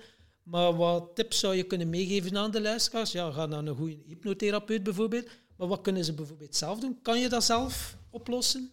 Jezelf van schuld en schaamte verlossen? Absoluut. Ja, dus schaamte zegt, er is iets mis met jou. Dat is niet de waarheid. Maar schaamte brengt bijna altijd een leugen. Door, door jou te laten denken of voelen of geloven zelfs dat er iets mis met jou is als persoon. Dat is de boodschap van schaamte. We hebben ook gezonde schaamte en we hebben ongezonde schaamte. Schaamte dat ongezond is, is bijvoorbeeld als je ja, een lezing zou willen geven voor een groep. En je bent bang om het te doen omdat mensen je uitlachen en dat je dan een rood hoofd krijgt en ja, het maar niet doet omdat je je schaamt. Of je staat voor een groep en je begint je te schamen en kleiner te maken. Dat is ongezonde schaamte, vind ik. Of zo definieer ik dat. Ik denk dat de meeste mensen zich daarin kunnen vinden.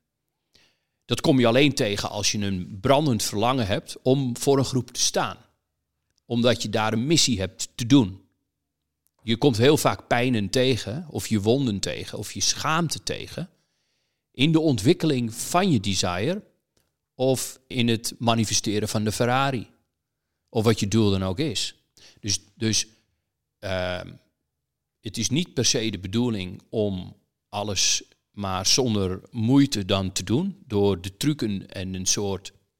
Door eigenlijk het universum of spirit uh, te slim af te zijn. Waardoor je alle pijn zou kunnen vermijden. Pijn is in die zin juist. Of zou je kunnen zien als een hulpmiddel. Wat natuurlijk een uitdaging kan zijn. Maar terug naar schaamte. Schaamte zegt dus er is iets mis met jou. Dat is een heel diep en pijnlijk gevoel. Is een van de laagste frequenties die een mens kan hebben. Het ligt dicht bij dood. Ehm, wanneer we ons schamen. Schaamte heeft, kun je ook op een spectrum plaatsen. Ehm, van ja, een lichte twijfel over jezelf, helemaal tot zelfhaat. Dan hebben we het hele spectrum, right? Schaamte is altijd aangeleerd in de eerste fase van je leven kan dat door vaak ook met een positieve intentie van je vader en moeder die je opvoeden, waar, waar we eigenlijk geleerd hebben een rol te, te spelen. Ehm, van wat zij dachten dat dan een goed mens is. Eh, moreel verantwoord. En dus ja, als jij iets deed of als jij iemand was dat niet in het plaatje van je vader en moeder paste, gingen ze je veroordelen. Soms ook met harde consequenties, zodat je het nooit meer in je hoofd haalde om zo te zijn. Hoe deden ze dat? Soms door fysiek misbruik, emotioneel misbruik, verbaal misbruik. Of een koude schouder toekennen. Of heel boos om je worden, op je worden, omdat je zo als kind aan het zijn was. Op dat moment leert het kind zich te schamen over hoe het net optrad. En dan is de schaamte, zoals we dat netjes noemen, geïntrojecteerd, oftewel aangeleerd.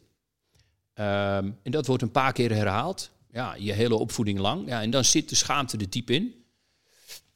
En schuld zegt, ja, wat je doet is fout. Schuld gaat over wat je doet, over je gedrag.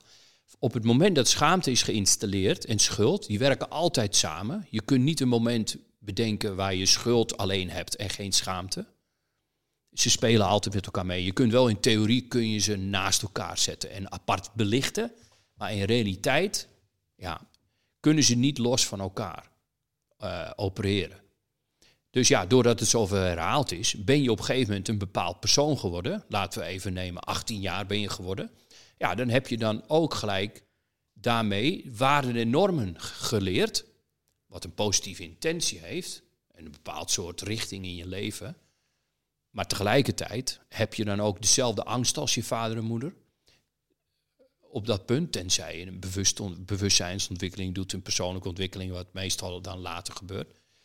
Dus schaamte en schuld, ja, dat zijn gewoon je waarden en normen. Die kun je dus veranderen. Nou, wat je kan doen bijvoorbeeld, is erachter te komen, ja, een, waarover je je schaamt en dat op papier te schrijven. Maar dat is al heel lastig. Dus wat er gebeurt, schaamte voelt zo slecht. Je voelt je dan een slecht mens. Schaamte zegt, je bent een slecht mens. Nou, dat is zo pijnlijk voor een kind geweest. Er zit nog één laag onder. Namelijk, dat betekent dat ik minder waardig ben of geen liefde waard ben. En dat ik de connectie kwijtraak met mijn vader en moeder. Dus dat zou zelfs kunnen betekenen dat ik eraan ga. Ik kan me maar beter aan de regels houden. Het zelfbeeld wordt daar ook. Dan zit je op angstniveau. Op diep angstniveau. Ja, klopt. Daardoor is er, ontstaat er ook gelijk een angst om de connectie niet te verliezen. Dus de connectie moet in stand gehouden worden, zodat ik me niet hoef te schamen.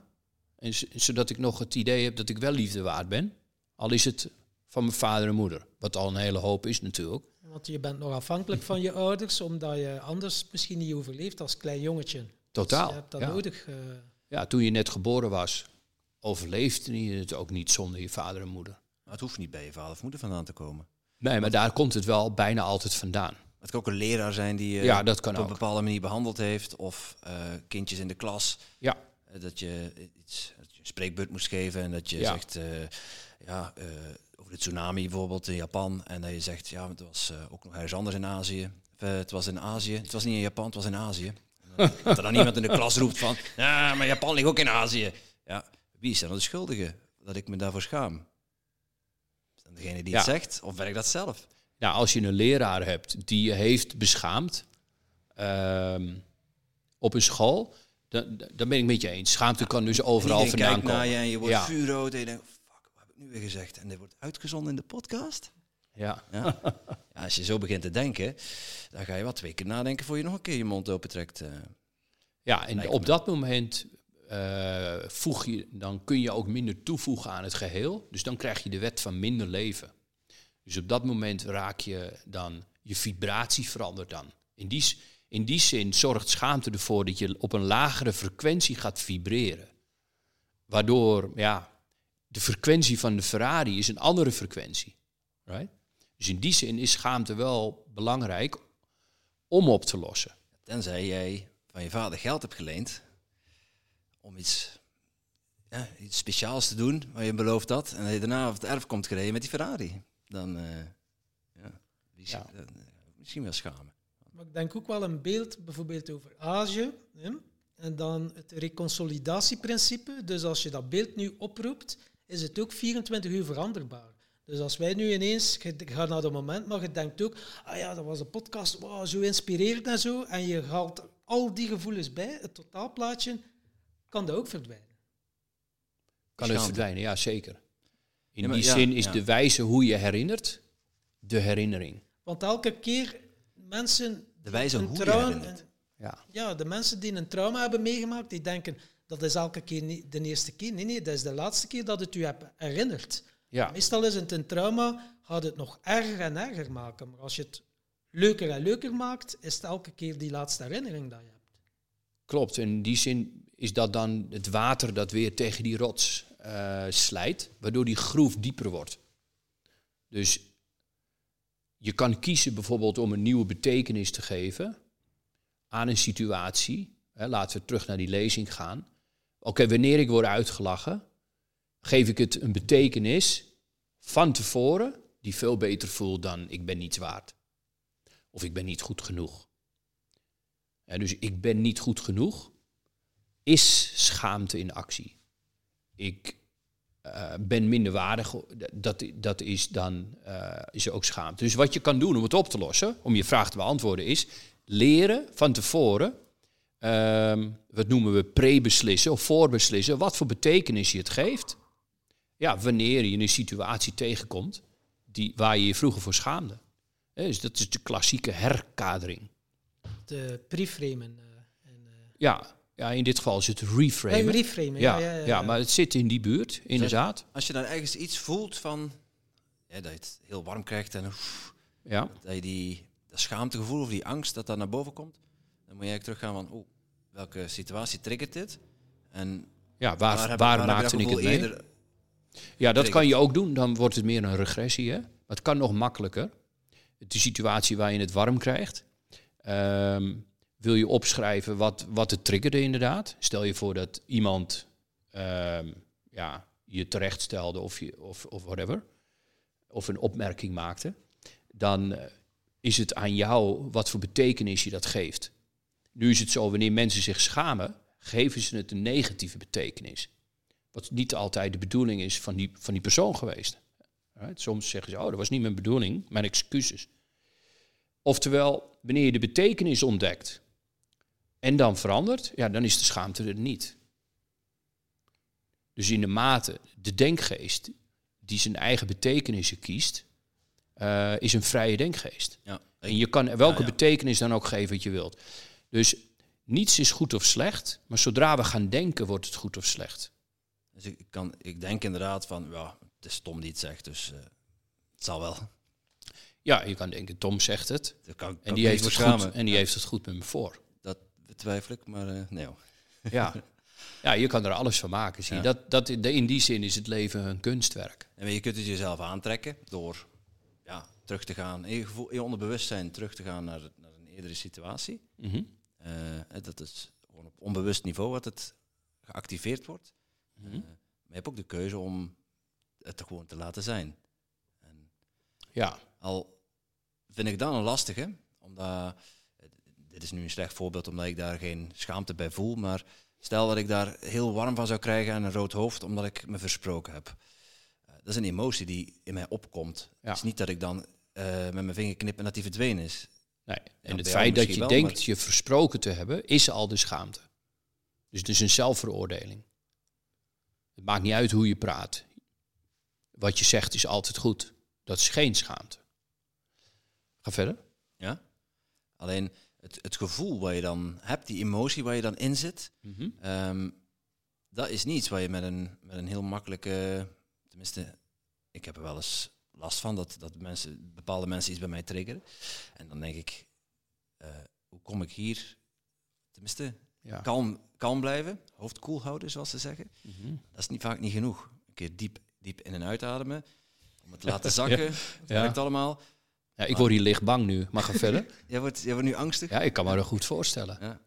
Maar eh, vervolgens zit je met dat gevoel Ja. En, en je hebt allerlei tools geleerd om, om daar Mhm. om los te laten. Maar het gevoel blijft hangen, of blijft zitten. Ja. Dat dat schaamtegevoel of dat, die angst of die onzekerheid. Ja. Hoe, hoe laat je die dan los op zo'n moment? Je kan bijvoorbeeld de geavanceerde regressieopleiding bij Martijn volgen. hè. Dan ga je Ja, dan het gaan we naar de gevoel terug naar de allereerste keer dat je dat hebt ervaren. Kan je er misschien kort iets over toelichten? Dat is misschien, eh, niet misschien, dat is wel heel interessant. Ja, dus het voorbeeld wat eh, Timothy eh, schetst, dat je dus eh, iets zei en dat je in dat hete gevoel, angstige gevoel komt, dat je, eh, dat je denkt iets verspro- je versproken te hebben. Hè? Dan willen we die, in wat we met regressie en hypnose doen, is eerst contact maken met die herinnering van de meest recente keer dat je dat voelde. Bijvoorbeeld vorige week. En door je ogen te sluiten en je te herinneren hoe je je daar voelde, dan maak je contact met de schaamte bijvoorbeeld. Hm? Nou, het zit op een bepaalde plek in je lijf. Het kan bij de keel zijn, schouders, of bij de buik of bij de heupen.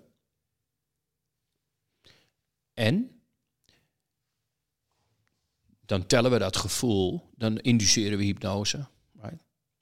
We gebruiken verdiepingstechnieken om contact te gaan maken met de hele geschiedenis van dat gevoel. Wat we een gestalt noemen, of een tijdslijn.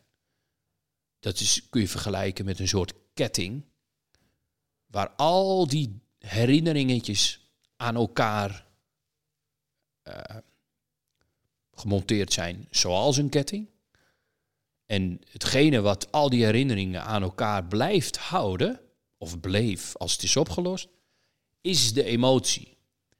Dus de manier hoe, her, hoe er herinnerd is, veroorzaakt de emotie. Oftewel, ja, die, dus dan is er een hele geschiedenis van schaamteherinneringen, die we door middel van hypnose dan ehm, Zijn de schakel, schakeltjes van de ketting dan? het zijn schakeltjes van een ketting. Elk schakeltje is een herinnering.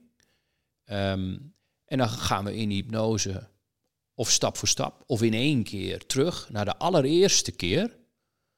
Het allereerste schakeltje van de ketting.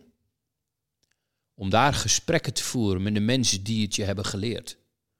Meestal is schaamte een gevolg geweest van hoe je behandeld bent. En ja, met andere woorden, stel dat je op het schoolplein was als klein jongetje en je werd uitgescholden of uitgelachen.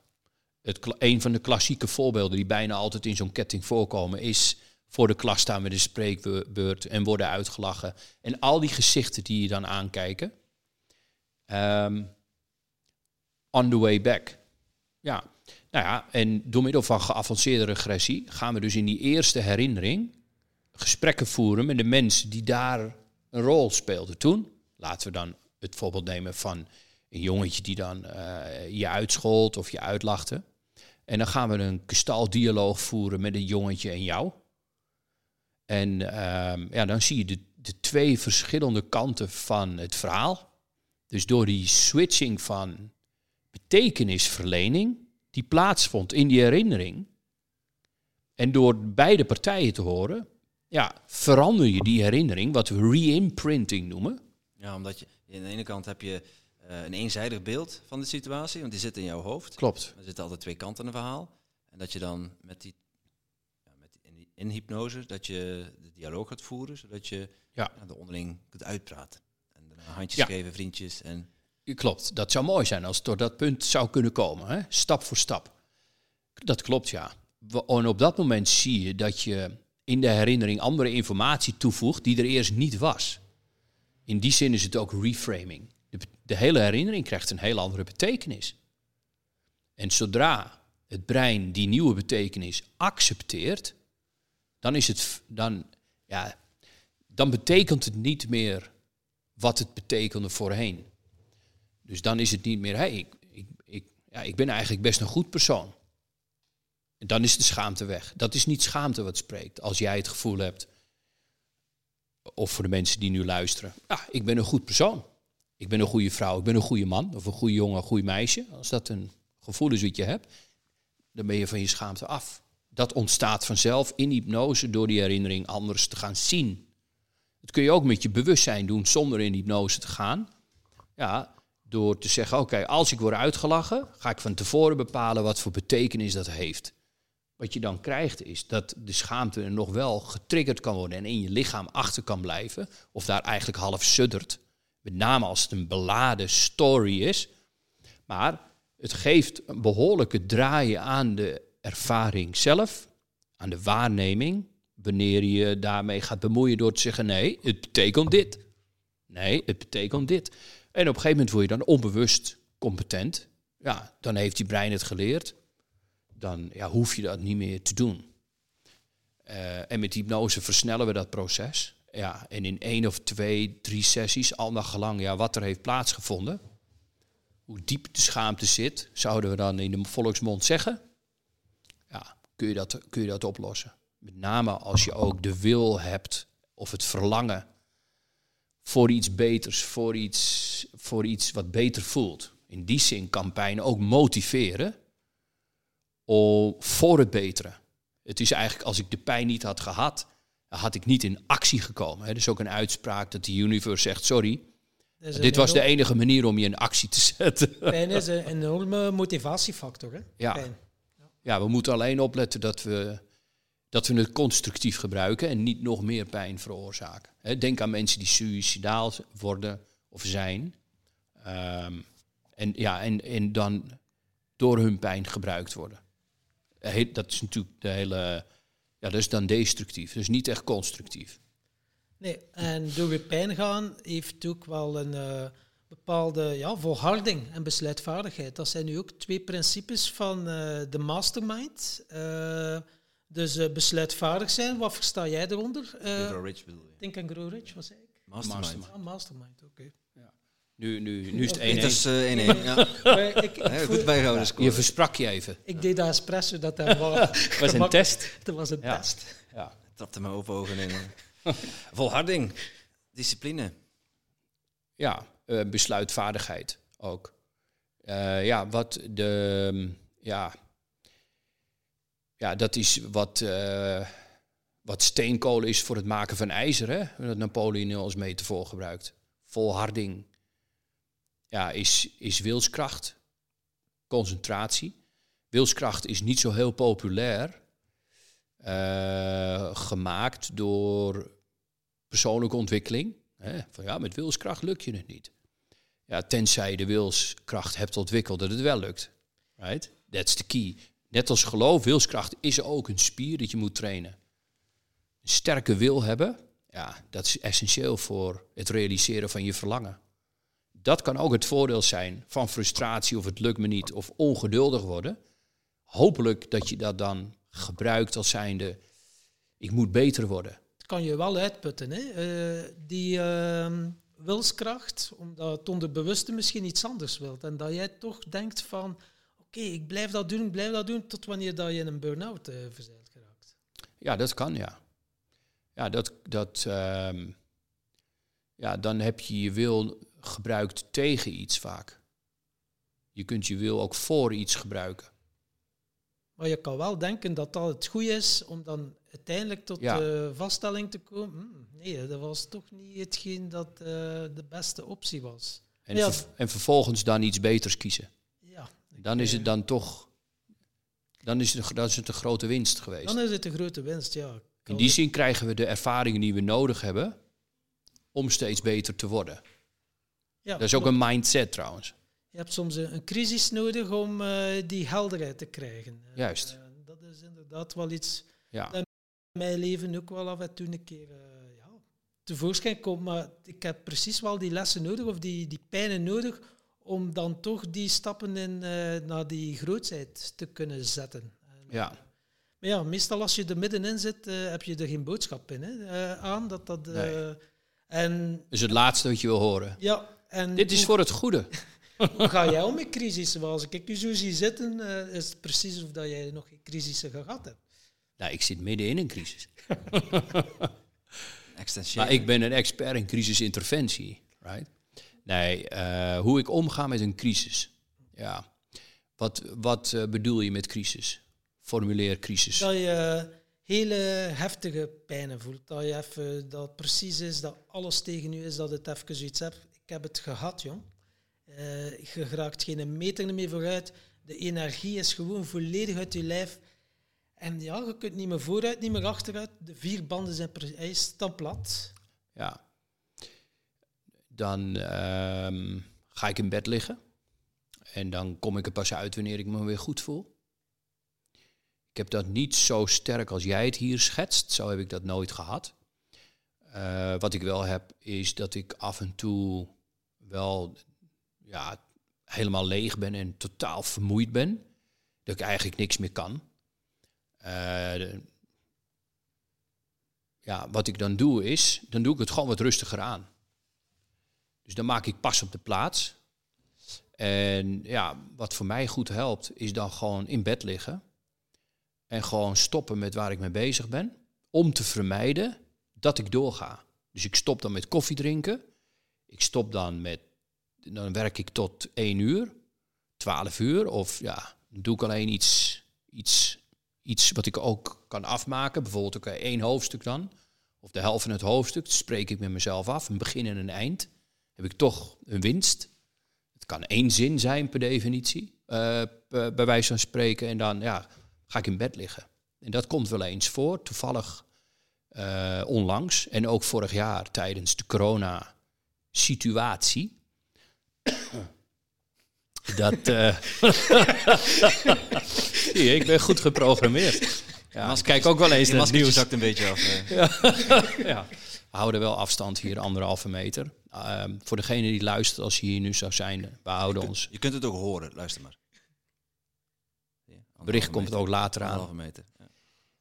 Ja, dan ga ik in bed liggen. Dus ja, dat, dat is dan een paar keer gebeurd. Niet dat ik corona had of ziek was, maar wel gewoon pff, helemaal vermoeid.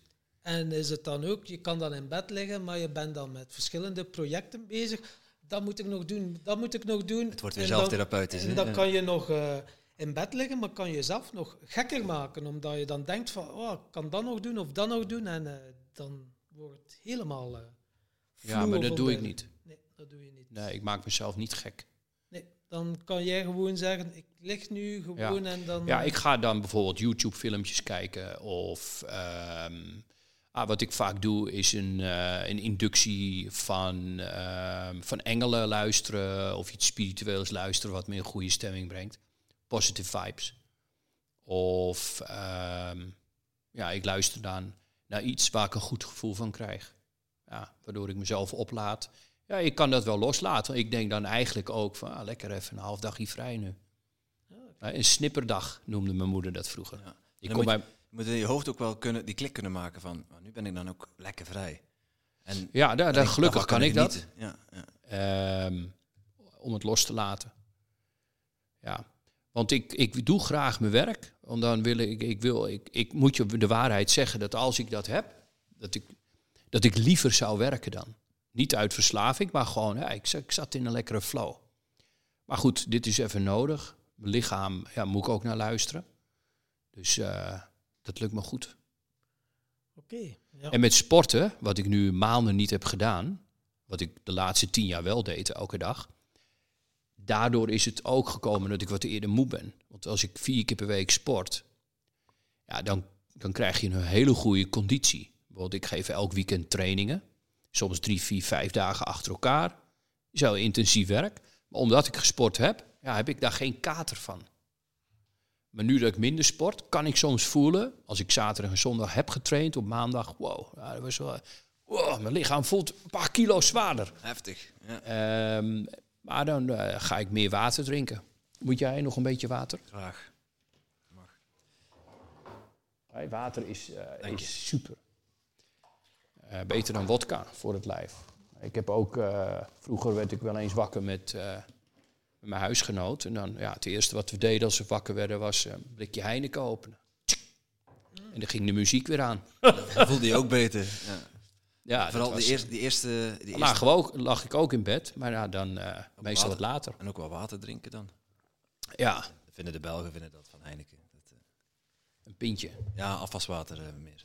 Oh, Maar ja, het, het, gaat, het gaat erom dat je ehm, eh, enerzijds goed voor jezelf zorgt. Eh, aan de andere kant kan het ook wel deugden om, om even los te koppelen en niks te moeten van jezelf. Ja. Een, een, burn-out of, of dat het allemaal even te veel wordt of een crisis zoals Tom het net schetst, komt ervan omdat je van jezelf te- steeds meer en meer en meer en meer verlangt. En dat je ook dingen moet van, jou, van jezelf. Ja, En dat je jezelf wijs maakt van ik moet dit doen en ik moet dat doen en ik moet dit nog doen en ik moet zus, ik moet zo. Moet, moet, moet, moet, moet. Tot het moment dat het niet meer kan. Dat je lichaam zegt van kunt moeten van jezelf wat je wil, maar ik trek de stekker eruit. ja als je dan- te lang de signalen negeert. Ja. Maar je kunt de signalen ook opvangen. eh, En juist de- lezen. Ja, en, en, en er vervolgens iets mee doen. En dan ja, jezelf eraan, eraan overgeven van het is even te veel en, en ik, ik neem even afstand van alles waar ik mee bezig ben, wat ik dus moet. En ik moet even niks. Voor mij werkt heel goed om een paar dagen vrij, vrij te nemen. Dus geen zakelijke verplichtingen, maar ook geen persoonlijke verplichtingen. Dus als ik, ik, ik doe s morgens eh, rugoefeningen en ik doe eh, eh, een kleine workout. Als ik twee, drie dagen vrij afneem, voor mij moet er dan ook niks meer. En Lekker. ja, dan word ik zorgens wakker. Waar heb ik zin in? Ik heb zin in een ontbijtje. En ik heb een ontbijtje. Als je daarna zin hebt in een dutje, doe ik een dutje. Als ik zin heb om te gaan wandelen, ga ik wandelen. Ja. Maar dan moet er niks. En dat, is, dat is voor mij is dan een heel groot verschil van ja, dus dan heb je de Ja, hele moeten ontmoeten. eraf gehaald. ja, ontmoeten. Mezelf Ja, dan ben je aan het helen. Dat is, dat is super gezond. Ja. Het werkt goed voor je. Maar het kan ook, er kan ook destructief gedrag bij komen. Zoals eh, wat meer drinken. Of ja, het is niet dat ik dan 's morgens denk, ik heb zin in, eh, in een glas vodka. Maar tegen de avond eh, denk ik, ja, vodka is niet mijn ding. Maar een biertje, lekker. Dat je, dat je er dan wel in kan meegaan in, in dat gevoel. En dan ehm, ja, werkt voor mij super. Dat, gewoon even één Ja. of twee, drie dagen vooraf vastgesteld. Dan begint het, dan eindigt het. En dan... eh losgeetst. Dat is- ja, dat is nou, mijn als het werkt, Maar dan werkt het. If it ain't broke, don't fix it. En dat is ook een feit. Ja. wat dat je bij veel mensen hoort ook, en ik spreek ook voor mezelf, wanneer is het goed genoeg? Wanneer is, is het goed genoeg voor jou? Kan er zo met gevoel zitten, doordat ik jaren gedronken heb, ik moet nog zoveel inhalen en dan blijf je maar in overdrive. En ja, doe je zodanig veel dat je elke keer zo precies het gevoel hebt, "God, het is nog niet goed genoeg. Dat je zoveel op je neemt. Hoe ga jij ermee om? Of heb jij daar eh, tips voor om het gevoel te geven zo van, oké, wees tevreden of ja, dat is eh, voor mij heel moeilijk om die grens ergens te bepalen of te zetten. Ja, ik denk dat je daar dan die grens voor jezelf moet definiëren of formuleren. Dus het is een goede vraag. Wanneer is het goed genoeg? Dus je kan die vraag stellen, ach, wanneer is het goed genoeg? Ja, is ook een goede vraag, want dan weet je waar je eigenlijk mee bezig bent. Wat is het eigenlijk dat je echt wilt? En dat houdt je altijd wel op een pad dat je energie blijft geven. Dus als je doet wat je echt wilt, ja, dan kun je bijna geen burn-out krijgen. Omdat je gemaakt bent daarvoor, zou je kunnen zeggen. Je krijgt juist energie ervan. Wat niet wil zeggen dat je soms even een dagje in bed moet liggen.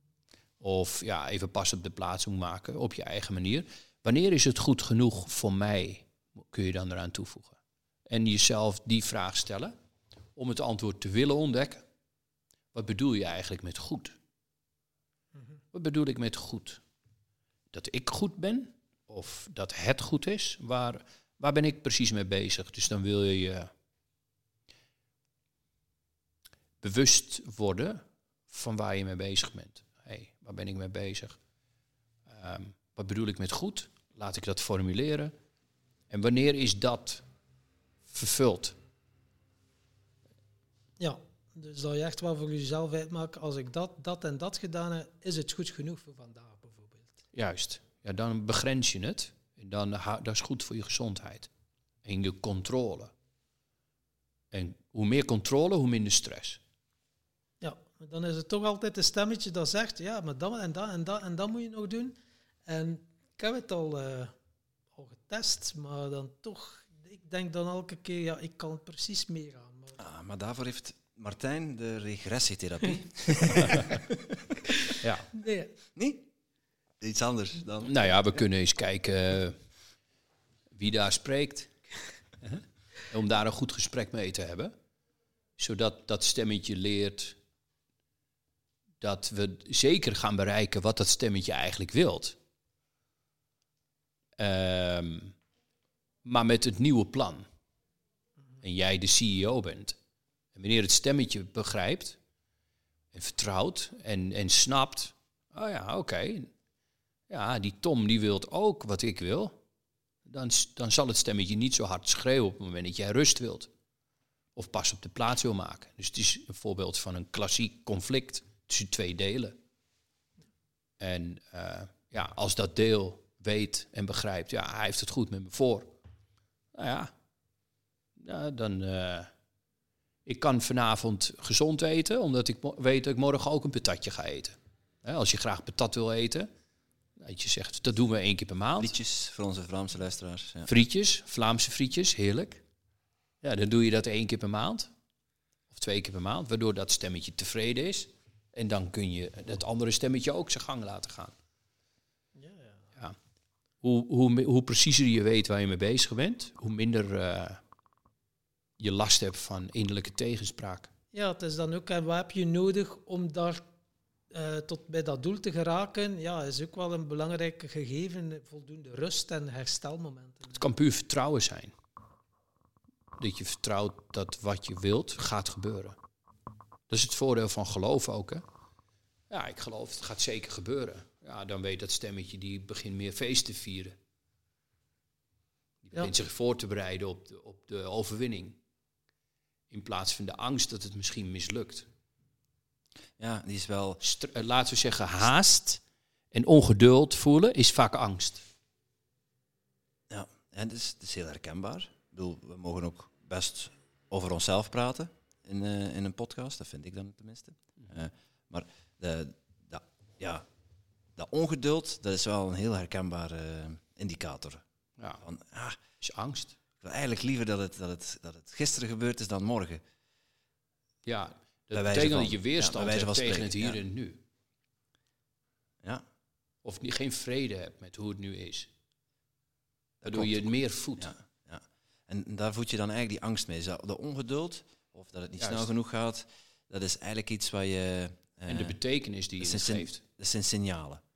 Pardon? Dat zijn dan signalen voor een, voor een bepaalde angst. Ongeduld. Ja, als je gewoon voelt en eerlijk bent met jezelf, kun je erachter komen of het de angst is. Of de manier hoe je de betekenis geeft dat het nog er niet is. Ja, wat betekent dat? Je bent vrij om het een andere betekenis te geven die je eerder motiveert dan pissed off maakt. Ja, je zou kunnen zeggen, hé, waarom is het er niet? Kan komen uit frustratie of onvrede. Maar het kan ook komen, ah, ik wil zo graag dat het er is. Dat, ja. Ja, maar de, de state of mind is dat het er al is. Dus dan kun je ook opnieuw contact maken daarmee. Ja. Wil je niet ongeduldig zijn? Is dat, is dat je vraag? Ik voel me net een, een, een podcastpsycholoog. Ja, dat ben je ook, Martijn. Dat, is, het, dat is het geheim van onze podcast. Welkom bij eh podcast psycholoog. We zijn al, eh, straks afrekenen. Vind ik een heerlijke rol hoor. Een heerlijke rol. Ja, je, ver- Ja, je dan hoef ik vervult- niet over mijn eigen problemen te je, ver- praten. je vervult het ook met verven. Ja. Ja. Ehm, we Ik hadden- heb zelf ook eh, angsten. Maar laten we eerst over jouw angst praten.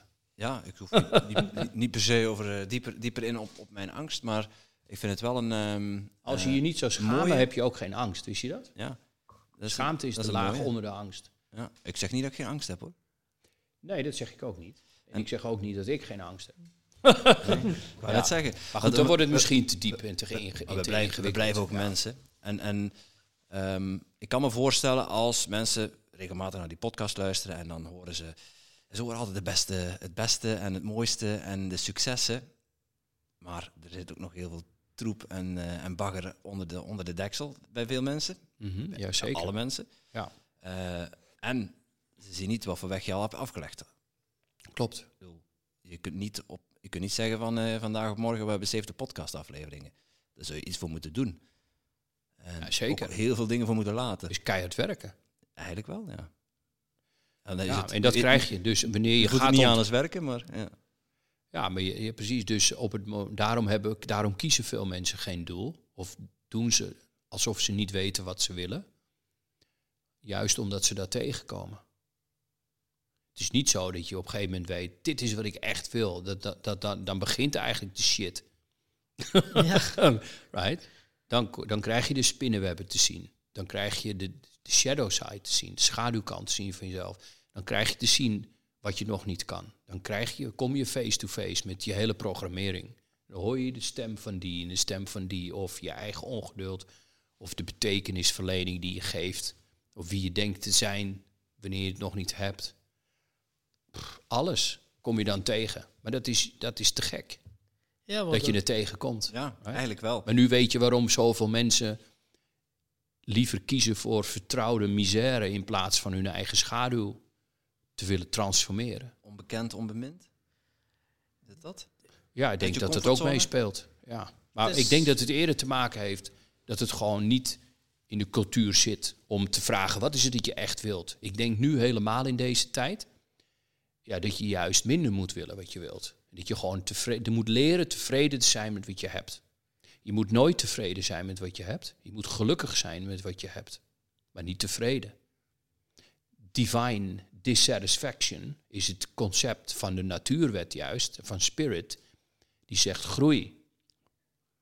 Dus je komt dan ook je onvrede tegen, je ongeduld tegen, met als hoop dat je nog meer uit jezelf gaat halen wat er al in zit. En dat is best wel onpopulair als je kijkt naar de media. Als je kijkt naar, ja, van waar- waarom moet je zoveel willen? Dat is, dat is een middenklasse idee waar heel veel mensen mee geïnfecteerd zijn. Ja, zou je denken, wat, ja, ah, waarom moet je zoveel willen? Dat is wat de meeste mensen denken. Je hoort ook gelijk bij de 5% club wanneer je een doel kiest en een committering maakt. Ja, want je stelt, ik stel mij soms de vraag, waar ben ik aan begonnen? Alle dagen op café zitten, dat was eigenlijk in veel momenten makkelijker. Diep van binnen ben je wel ongelukkig, maar je verdooft jezelf. Blowen, drinken. En nu ben je ervan bevrijd. Dan kom je echt wel die weerstand en die pijn tegen, maar het geeft je wel een, ja, veel meer voldoening in je leven. Je, Ja. je, je bent veel bewuster gaan leven en je voelt het leven door jouw leven. En de dingen die je bereikt, terwijl dat je heel makkelijk kunt zeggen, oké, ik voel mij wel slecht, ik neem wat Prozac of, eh, of ik ga drinken of ik eet alle dagen ongezond en ik eh, Netflix alle dagen, is genot op de korte termijn. Maar op de lange termijn heb je wel helse pijnen. En heel veel mensen zitten wel in die situatie, denk ik dan, die dat onbewust lijden. En, eh, Ja, Dat is, eh, ja, even terzijde. Ja. ja, absoluut. Ik denk dat de meeste mensen op de wereld daarin zitten, alhoewel die groep wel kleiner wordt. Geloof ik. Die 5% groep? Nee, die andere groep. De massa. Eh, ja, kijk maar naar hoe populair persoonlijke ontwikkeling is. Ehm, bewustwording is. Eh, wordt steeds, wordt steeds, steeds meer mensen worden aangeraakt met het, ja, met het idee van ontwikkelen. Ehm, ja, zeker. Nou ja, wees blij dat je. Kijk, eh, het idee van eh, je oog op het doel houden waar je naartoe gaat, is wel belangrijk op je pad. Want daar gaat het uiteindelijk om. En dat doel, ja, dat wil je schitterender maken, groter maken. Of herevalueren of het echt is wat je wilt. Om dan een koerscorrectie te maken, zodat je weer ingetuned bent met je hart. Dus eh, ja, als ik zulke soort momenten heb, wat ik dan ook doe, is dan begin ik helemaal weer opnieuw met mijn doel te, met mijn doel te formuleren. Wat is dat ik echt wil? En soms verandert mijn affirmatie dan ook. Of mijn script. Ja, want dat is ook wel een valkuil van veel mensen. Die denken dan affirmaties. Ik heb het ergens gelezen of ik heb Think and Grow Rich gelezen. Eh, ik heb nu een lijstje, 15, 20 affirmaties. En ik ga ze gewoon iedere dag herhalen. En het zijn elke keer dezelfde. Maar dat hoeft niet per se. Hè? Want ik wil je net zeggen, van, je kunt ook je doel. Je kan ook een ander doel kiezen. Ja, Tenminste, het doel wijzigt niet, maar je plan wijzigt. Waardoor je andere affirmaties kiest. ja absoluut. En als Ja. een doel gewijzigd is, dan is het volgende doel. Klopt, dat is groei. Ja, En dan, als je van doel naar doel gaat, dan noemen we groei. Of, of, of wat doe je daarmee met het woord groei? ja tenzij je van doel naar doel gegaan bent en niet gegroeid bent. Kan ook. Ja. Ja, dus om het makkelijk te houden, groei wil je persoonlijk formuleren. Wat, wat betekent groei voor mij? Wanneer heb ik het idee dat ik gegroeid ben? Uh, dus groei heb je niet, groei doe je. Groei krijg je niet, groei ben je aan het doen. Dus je bent aan het groeien. Dus het is een voorbeeld van niet een ding, maar iets, iets wat je doet. Net als eigenwaarde. Eigenwaarde heb je niet, eigenwaarde doe je. Um, ja, wat betekent groei voor mij? Dat is de eerste stap dan. Tenzij je het gevoel hebt dat je groeit, dan hoef je het niet per se te vragen. Dus het is een goede vraag, wat is groei? Ja, groei voor mij is het idee dat ik iets bereikt heb. Dat is het voor mij. Het gevoel van, ja, ik heb iets bereikt. Ik had iets voorgenomen en het is gelukt. Ja, dat is een geweldige ervaring. Voor mij. Voor anderen misschien niet. Maar dat is een van de meest het is mij gelukt. Dat is voor mij een van de diepste vervullende ervaringen. Ik had gedacht dat het voor mij niet gelukt zou zijn, maar het is voor mij wel gelukt. right? Ik heb een prijs gewonnen, victory, overwinning. Wie ben ik geworden in het proces? Ja, dan wordt het meer groei. Wat zijn de lessen die je hebt geleerd? Dan wordt het meer groei. Wat heb je ontdekt in jezelf dat je dacht dat er niet aanwezig was? wordt het ook groei. Als, als je groei uh, in een breder perspectief gaat plaatsen. En ik merk ook wel op, als je op de juiste weg zit, kom je ook de juiste mensen op het juiste moment tegen. Dan kan je ook wel voelen van yes, dat is hier echt wel, uh, ik kom dichter bij mijn kern. Ja, ja precies. Dus dat, dat is mooi dat je dat zegt. Dat is dus heel individueel. Hmm. Dat is dan de definitie van groei. De mensen uh, tegengekomen die bij je doel passen. Ja, of die nu net dat inzicht geven, of die les leren om door die pijn te kunnen gaan, om dan ze iets blootleggen en een soort uh, spiegel voorhouden van oei, eigenlijk doe ik dat ook, waardoor dat je dan aan dat thema kunt werken. Ja. Dat ja, is het wel al een beetje ja, gevorderde... Ja. ja, ik denk niet dat iedereen die met persoonlijke ontwikkeling start, al op die manier zoals je het nu net omschrijft, uh, daar tegenaan kan kijken van hoe, wat kan ik hieruit leren en wat is de pijn en wat ligt daaronder. Dat, dat vraagt echt wel al wat, uh, uh, ja, wat, uren, wat uren zelfontwikkeling. Zeker.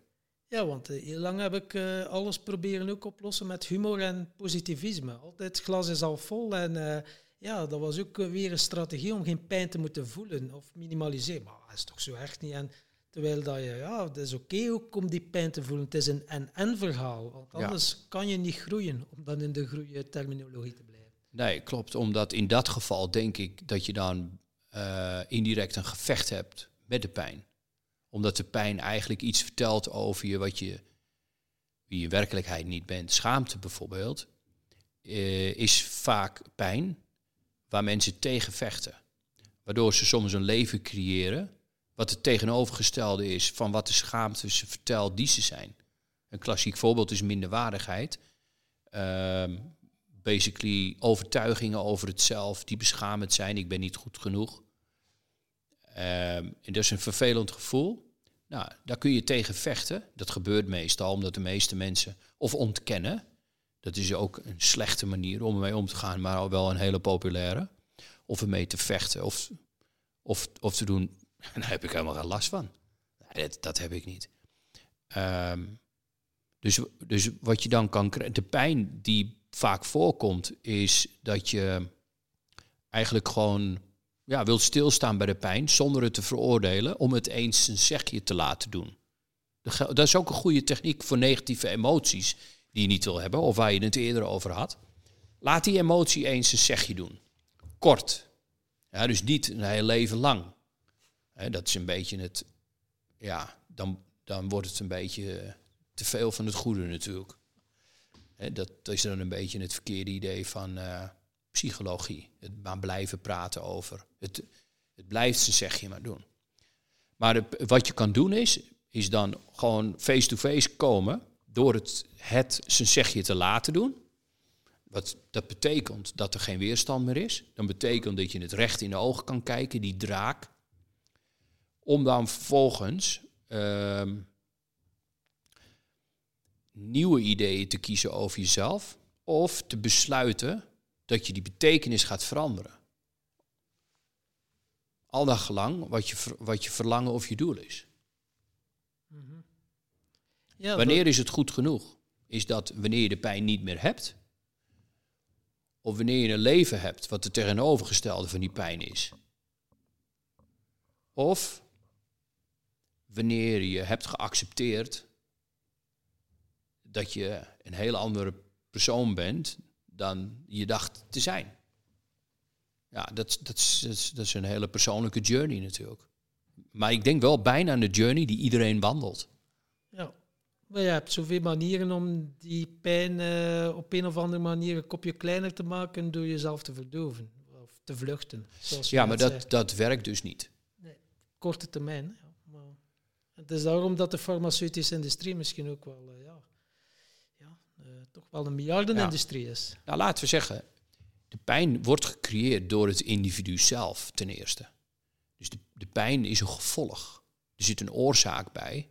De oorzaak zijn bepaalde ideeën die je misschien vergeten was. Schaamte is vaak op jonge leeftijd aangepraat of door het kind aangepraat naar zichzelf of haarzelf toe. Maar het is gewoon een vreselijk pijnlijk idee. Wordt vergeten, kan wel getriggerd worden als volwassene. Bijvoorbeeld bij een lezing of als je wordt uitgelachen.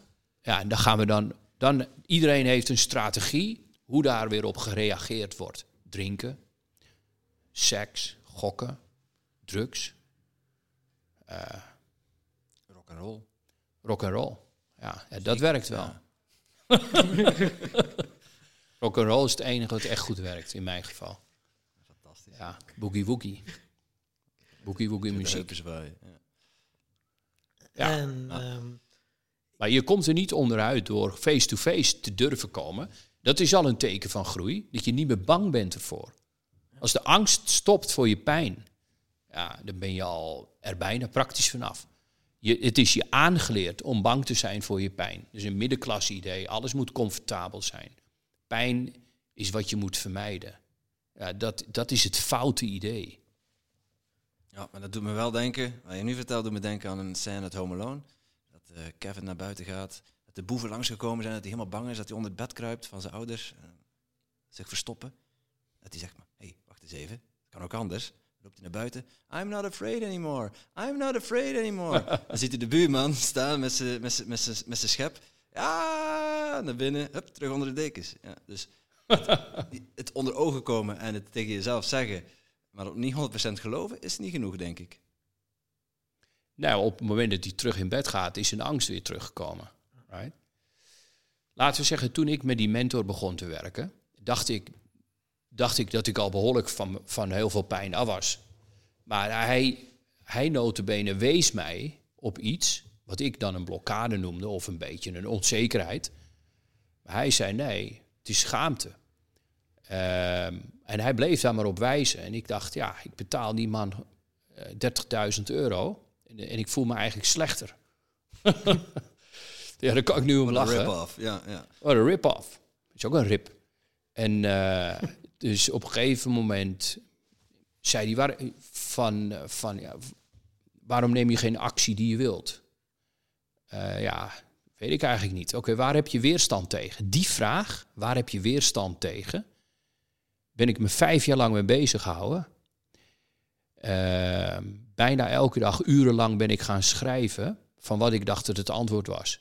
Ik werd helemaal dat is wel een van de weinige momenten dat ik bijna gek werd. Van die vraag, waar heb je weerstand tegen? is een hele moeilijke vraag, vond ik dat. Het is eigenlijk een simpele vraag. Dat zijn meestal de moeilijkste.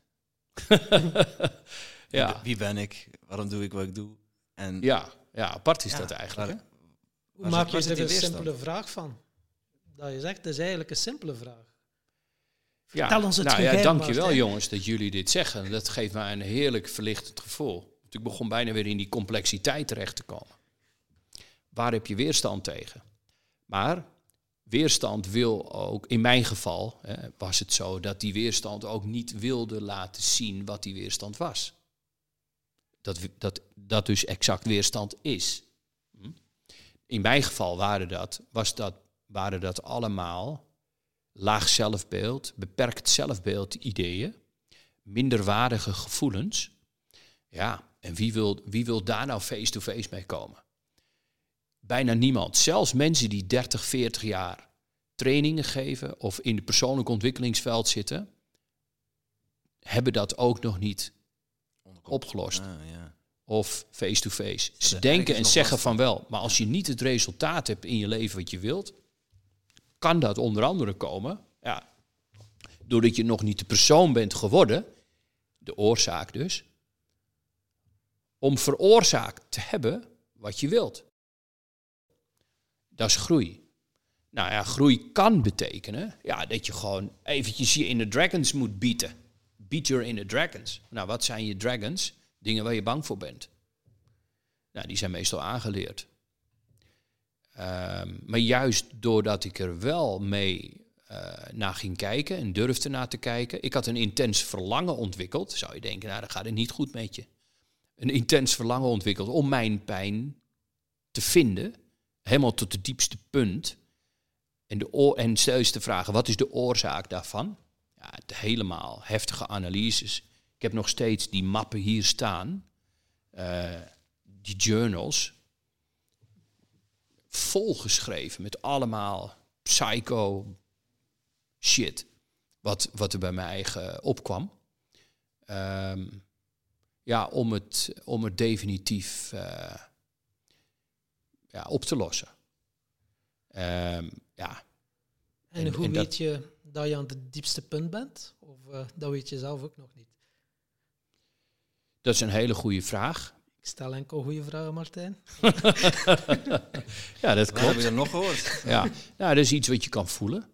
Ehm, wanneer je op een gegeven moment vrijer, wanneer je vrij bent geworden, dan weet je dat je de primaire oorzaak hebt opgelost. En om die eh, vrijer te voelen, eh, gebruik je dan ook je mastermind-principe? Om terug naar Think and Grow Rich eh, te gaan. Het principe van de mastermind. Dus dat hij dan in zijn eh, denkbeeldige geest aan een ronde tafel zit met allemaal eh, interessante mensen, zoals Jezus, Boeddha en noem maar een Carnegie. En wie zat er nog allemaal aan tafel? Heb jij ook zo Ja, een, eh, een mastermind groep? Die, ja zo'n mastermind groep heb ik wel. Denkbeeldige. Ja, ja al jarenlang. We zullen heel even kort uitleggen voor de mensen die Think and Grow Rich nog niet gelezen hebben van de Mastermind. Mhm. Het gaat erom dat als twee, één, eh, niet één, maar twee of meer mensen samenkomen, of twee geesten samenkomen, dat, een, eh, ja, dat er dan een derde onzichtbare kracht ontstaat. Ja, En dat wordt het principe of de kracht van de mastermind genoemd. Dus ja, 1 plus 1 is 3. ja. Of Mhm. Andere analogieën. Maar daar komt het op neer dat de som Ja. der delen groter is dan de op- de optelling van de losse dingen. Ja. ja, ik denk dat dat oneindige intelligentie is, hè, of spirit of het universum. Ehm, dat dan ja, de grote geest, de universal mind, waar we allemaal op aangesloten zijn, die stroomt ook, daar stroomt energie van naar ons toe en door ons heen. We zitten er middenin.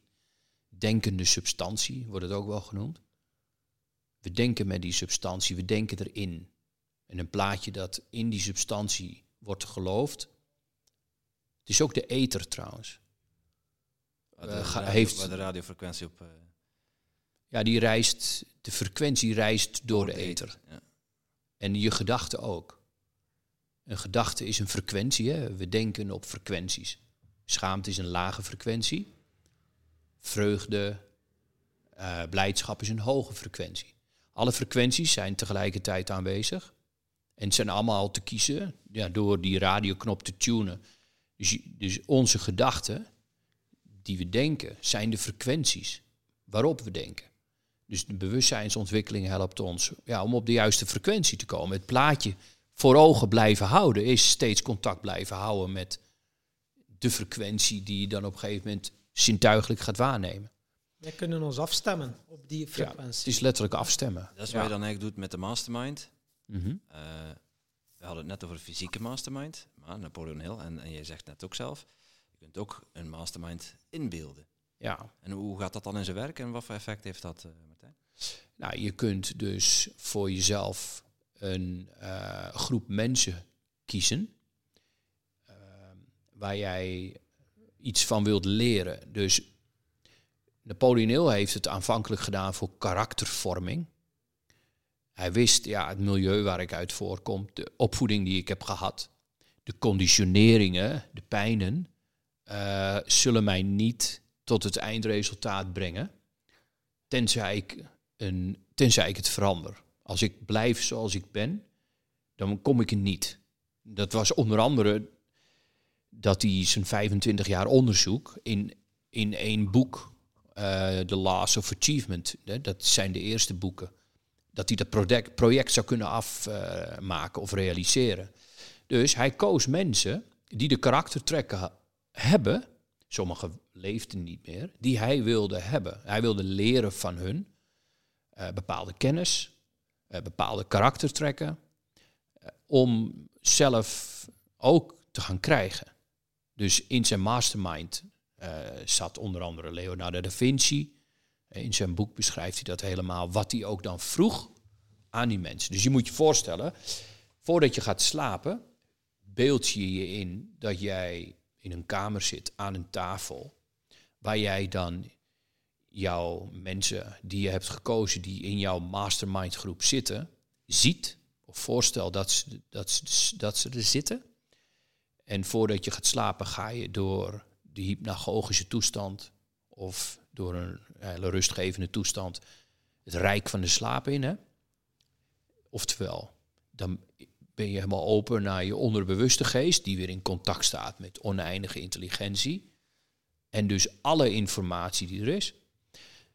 En dan vraag je aan jou, aan een persoon die aan tafel zit, zeg je van, uh, ik wil dat jij mij leert hoe ik uh, jouw kennis van astronomie kan leren. Of ik wil jouw kennis hoe je uitvindingen doet. Dus ik geloof dat hij van Leonardo da Vinci wilde leren hoe hij gebruik maakt van universele wetten in de natuurkunde.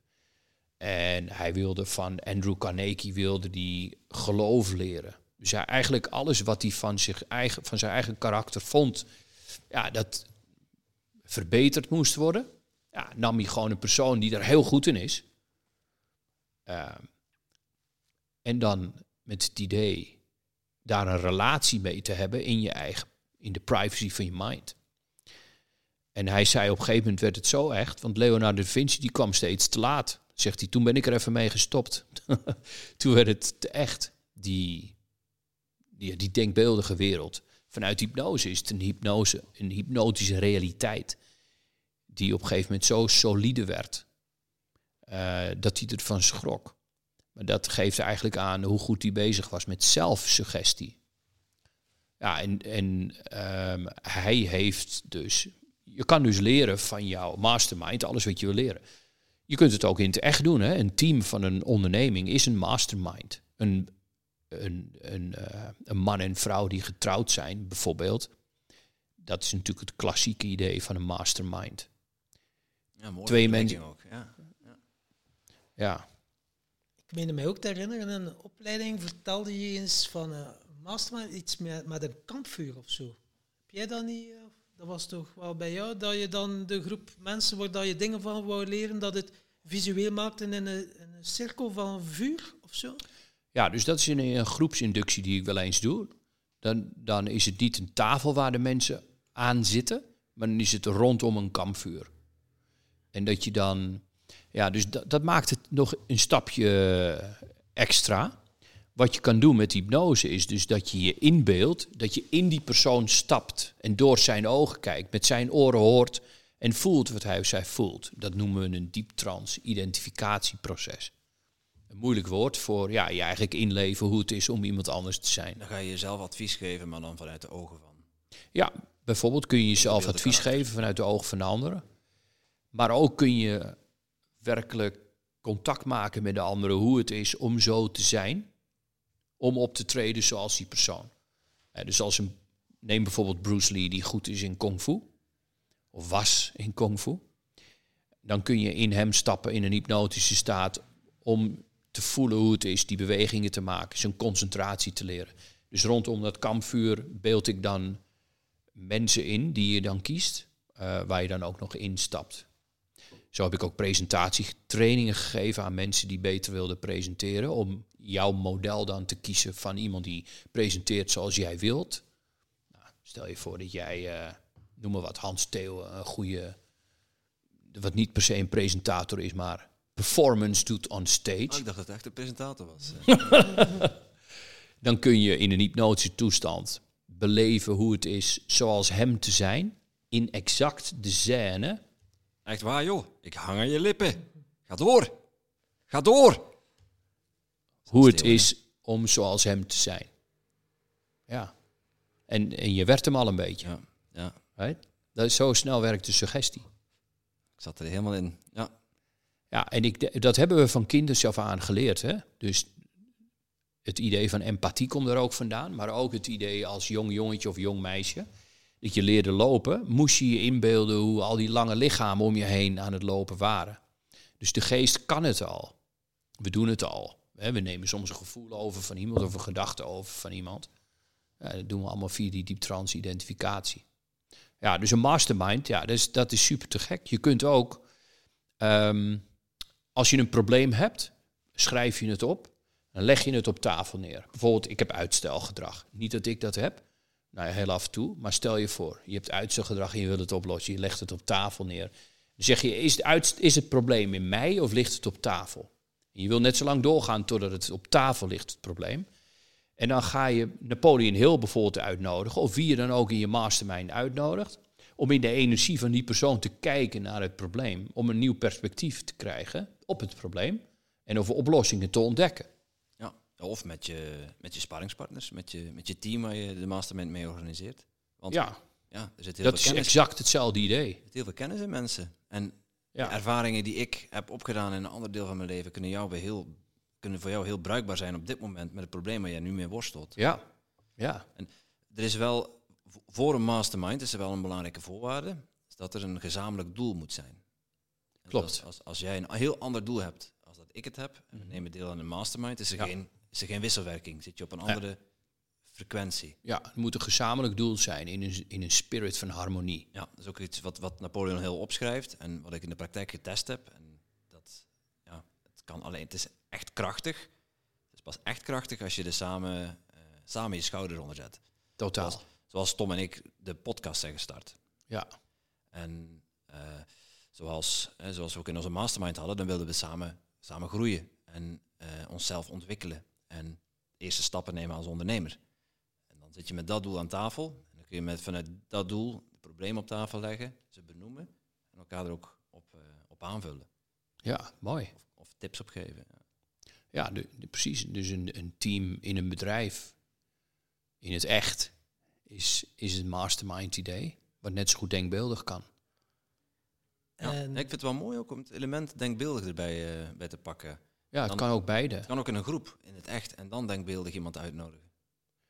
Absoluut. Van, uh, we zitten met dit probleem en uh, ja, laten we, laten we Jezus van Nazareth aanschuiven. Het klinkt, klinkt bijna belachelijk, maar waarom niet? Het was een bevlogen spreker.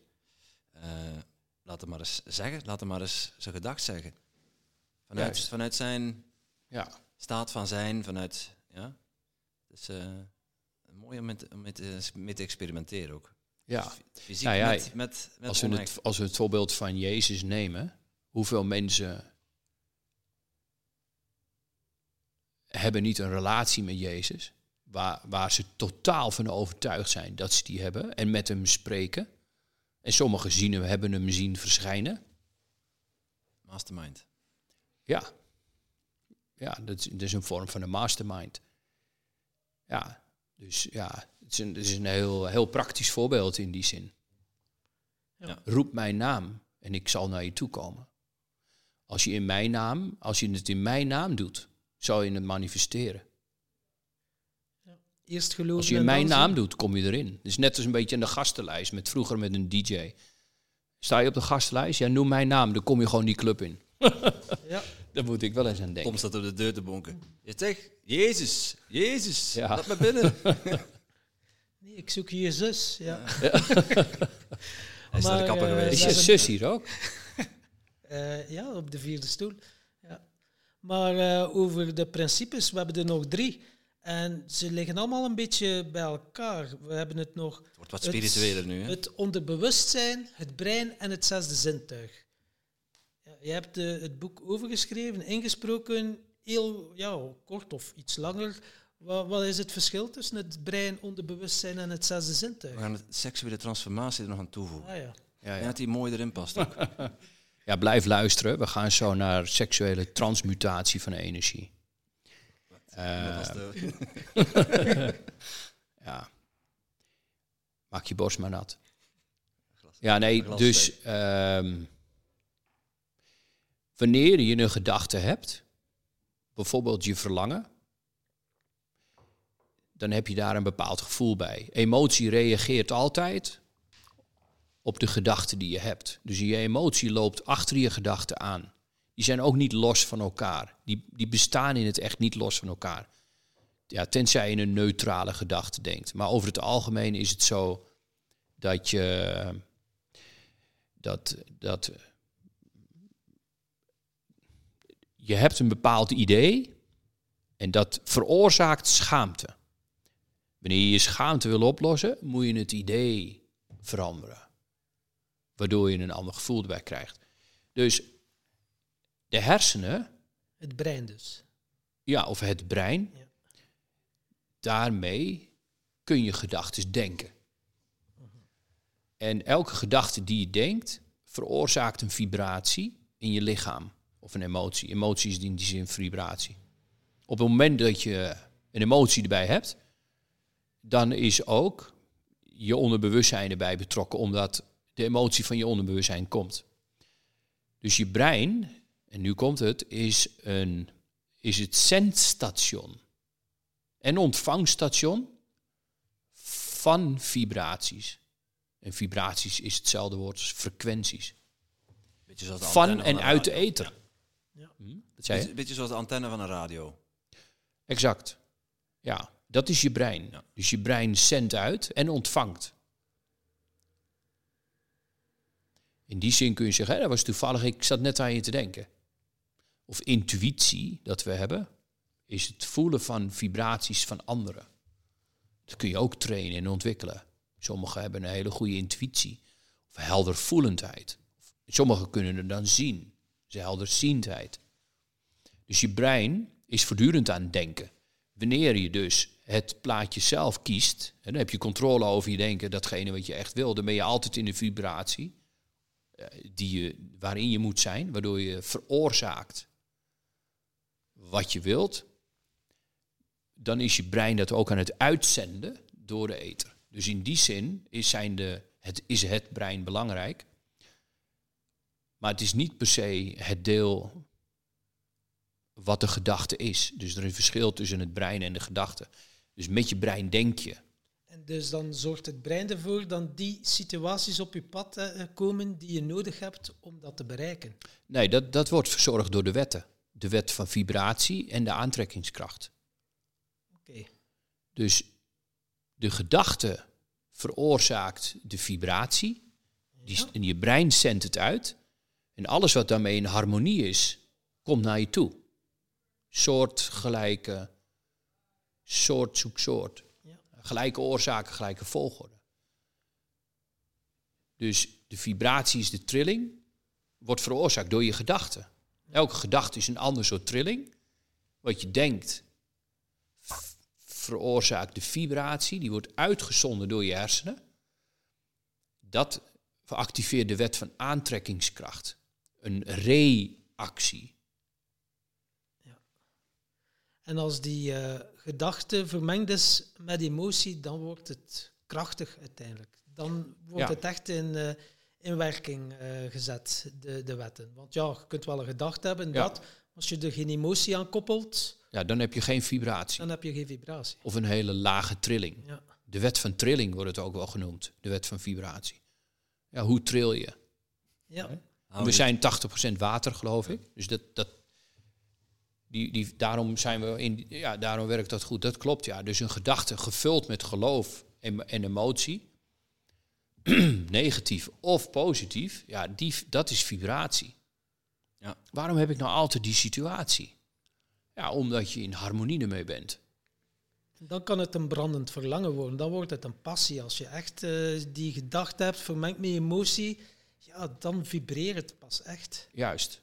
En hoog. Hoog. En intens.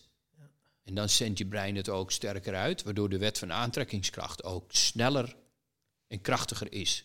En als je dat dan met verschillende mensen datzelfde gaat uitzenden, ja, dan wordt het nog krachtiger. Juist. Ja, dan zit je allemaal op, de- op dezelfde frequentie. Ja, dat is de power van de mastermind.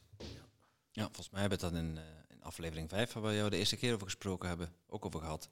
Over dat mensen die gingen mediteren, dat er dan in de directe omgeving minder criminaliteit was waargenomen. Ja, ja, dat hebben ze ook wetenschappelijk bewezen en onderzocht. Ja. Dat is natuurlijk omdat iedereen daar zit te mediteren. Dat ze dan- Maar Het zou Ja, wij kunnen spelen. Ja, het is maar hoe je zo'n onderzoek doet. Hè? Het is, interessant natuurlijk om, om, om dan op grote schaal te zien en te kunnen meten wat dan de effecten ervan is. Want individueel niveau kun je dit eigenlijk moeilijk. De huidige wetenschap kan het nog niet meten. Wat er dan allemaal gebeurt. Alleen als je, hè, als, als je dan kijkt van een, een stad en een stadsdeel en ze hebben met, met, met proeven eh, getoetst en gemeten Mhm. dan wordt het opeens wel zichtbaar. Is het dan dat het op, als het op hè, als het de, de schakel groot genoeg is en als er genoeg mensen op datzelfde niveau trillen, dat er dan dat je het dan echt kunt eh, met je zintuigen kunt, kunt waarnemen. Met Ik geloof hem wel, ja. en, Dat is wat ik geloof. Dat, hè, met, met andere zin, dat, dat iedereen dat kan waarnemen. Met zijn normale zintuigen. En niet met, zoals Napoleon Hill het noemt, het zesde zintuig. Mhm. Ja, Helder horend, helder zien. Nou, stel je voor, je, je komt eh, in een bar. Die bar is al acht uur lang open. Er is muziek, speelt er al een tijd. Je was er alleen niet binnen. Je komt binnen en je, je voelt de sfeer. Het kan een hele positieve sfeer zijn die iets activeert in jou. Eh, hopelijk, hè, dan noemen we het een, een plezierige plek. En dan trekt het ook dat soort mensen aan. Dan wordt het succesvoller. En dat komt door ja, de vibe, de vibratie die daar heerst. Een restaurant, hetzelfde. Wanneer je in een restaurant komt, is een expressie van ja, de geest die daar, ja, de eigenaar in het team en hoe ze het allemaal inkleden en de spirit van en hun intentie. Ik denk dat je daarmee kan vergelijken. Kijk, wanneer jij 10.000 man hebt die allemaal ingetuned zijn op vredige gedachtes. Ja, dat heeft zijn effect. Waarom? Ja, het is een oorzaak die in beweging gezet wordt. En iedereen is afgestemd op hetzelfde veld. Quantumveld of spirit, oneindige intelligentie, whatever, wat voor woord je er ook aan geeft. Je denkt er nu in. Terwijl je denkt, ben je erop aangesloten. Je stuurt voortdurend boodschappen uit. In die zin is elke gedachte een oorzaak die je in beweging zet. Die altijd terugkomt naar eh, de bron van waar het vooruit komt, vandaan komt. Ik weet niet of het wetenschappelijk bewezen is. Ik heb wel, wel gelezen dat er wetenschappelijk eh, onderzoek en bewijs daarvan is. Ik heb me daar nooit in verdiept. Voor mij is het een appeltje-eitje idee. Ja, voor mij is dat ja natuurlijk. Want ik denk, ja, toen ik vroeger uitging, kwam ik soms bij een tent. Vond ik hartstikke leuk. Was een goede vibe. Ja, is een goede mastermind. Is een groep waar ik ook, eh, ja, daar wil ik me bij aansluiten bijvoorbeeld. Of een dansvloer. Ja, ik heb dat met festivals. Als ik daar ben, dan is dat genoeg. Ja, ja, En dan is het ook, dat is het ook, dat is het. Gewoon, ja. Ik, hoef niet, ik hoef niet naar die band of naar die band, gewoon daar zijn en ja, die mastermind, ja. En dezelfde vibratie meetrillen. Want andersom ook natuurlijk, als je ergens in een kamer komt waar net ruzie is gemaakt, dan voel je, je voelt die, die kilheid of die, ja. ja, je voelt dat er iets, ook al wordt die ruzie dan op dat moment niet gemaakt, je voelt dat er iets gebeurt. Hangt is. in de lucht. Hangt in de lucht, ja, zeggen ze hangt nog in de lucht, Ja. ja. Daar komt het vandaan. Spanning voelen. Ja, de spanning voelen. En dat kan voor sommigen die, die zich niet daarvan kunnen separeren, ja, nemen ze dat over. Of kinderen denken dan dat het, dat het, dat het hun is, dat ze het zelf zijn. Papa die boos is, kind wordt boos op zichzelf. Maar eigenlijk was dat de energie die was uitgezonden door papa of door mama. En kan je je daar eh, tegen beschermen? Ja, aluminiumhoedje. daar kun je je tegen beschermen, zeker. Ehm, enerzijds door voor ogen te hebben wat je wel wilt in plaats van niet wilt. En daar je brein in hebben getraind. Ik zeg vaak het woord cancel, delete. De hele dag door, wanneer ik op straat loop en ik hoor iemand iets negatiefs zeggen, cancel, delete.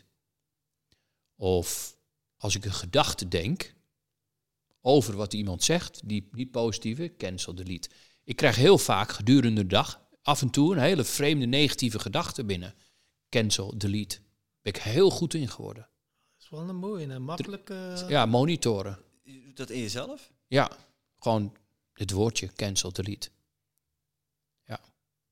Ja, mooi. En wat ik ook vaak doe, is, een, is ja, als ik een, als ik een, als ik een, eh, bijvoorbeeld een koffie ga halen, visualiseer ik eerst een roze liefdeskleur.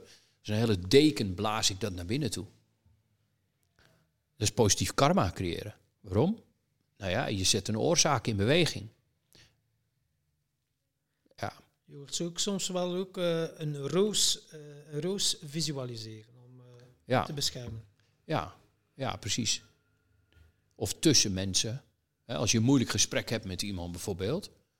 Of je denkt, ja, dat is een heel negatief persoon. Dan is een, een hele roze perk visualiseren. ja, een goed idee. Want je, je maakt daar verschil tussen. Oké, die persoon is daar, ik ben hier. Dat is ook een manier hoe je ervan kan beschermen. Of tegen kan beschermen. Ja.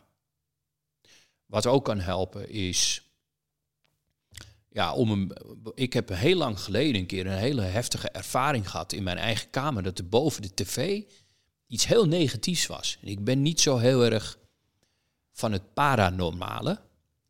Eh, als kind wel. Maar op een gegeven moment heb ik besloten, ja, ik, ik wil andere dingen in mijn leven doen. Maar die avond ja, was er iets behoorlijks negatiefs. Ik had ook veel gedronken hoor, die avond ervoor. Maar het was wel, ik was doodsbang. Ik was echt doodsbang. En ik had het gevoel dat ik echt in iets heel negatiefs gezogen werd. Eh, dat zo sterk werd op een gegeven moment dat ik me echt moest vechten ertegen. En voor mij was dat een moment van: oké, Martijn, kies je voor het licht of kies je voor de duisternis? En ik stond toen face-to-face. Ik moest een keuze maken. Nou, die keuze was snel gemaakt. Ik kies voor het licht en het goede. Toen heb ik letterlijk op, op mijn knieën gebeden, heet het dan, hè? Gebeden naar iedereen die ik maar kon bedenken. om me alsjeblieft eh, te redden eh, van deze vreselijke negatieve nare energie. En toen is het weggegaan. Dus de Dalai Lama, eh Boeddha, Jezus Christus, Maria. alle positieve mensen ook, ja, heb ik toen voor gekozen. Dus ja, ik heb... En sindsdien ben ik totaal niet bang meer voor geesten, demonen, draken. Het doet me helemaal niks. Eh, Richard Bentler heeft ook wel een goede grap. Eh, Wat kan een geest nou doen? Die kan met een kopje gooien door de kamer. Ja, is dat alles? Ehm, maar ja, dus als ik bijvoorbeeld in de bus zit en ik en iemand, er zijn wel af en toe mensen die heel negatief uitzenden. Sommigen weten dat ze het doen, maar dat betekent dat ze in een vibratie zijn van eigenlijk negatieve gedachten. Boze gedachten. Haat. Naar iemand anders toegericht. Jaloezie. eh, afgunst. Van een hele hoge intensiteit. En weten dat ze het doen. En hun wilskracht er ook nog achter zenden. En het echt willen voor iemand anders. Ja, dan ben je dus de wet van. Dan ben je dezelfde universele wetten aan het gebruiken voor manifestaties. Dan kun je, Wel- be- kun je best gang- gangster worden, als ik het zo hoor. Dat is mega gangster. Ja. Right? Ehm, maar ja, ik weet gewoon dat ik totaal beschermd ben daartegen. Doordat ik ooit die beslissing toen heb gemaakt. Uh, kiezen voor licht, uiteindelijk. Exact, exact, ja. Ja, en dan gewoon... Ja, dan... dan eh, ik heb ook ervaringen gehad dat ik dan licht kon sturen naar die mensen.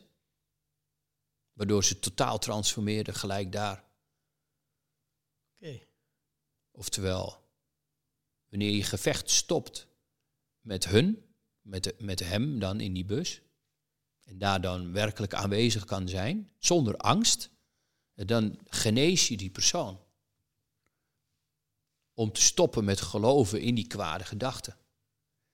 Op dat moment kan zijn dat die persoon dan weer teruggaat, omdat die persoon ook dan misschien weer naar een negatieve mastermind gaat met andere kwade geesten, waardoor hij of zij weer geïnfecteerd wordt.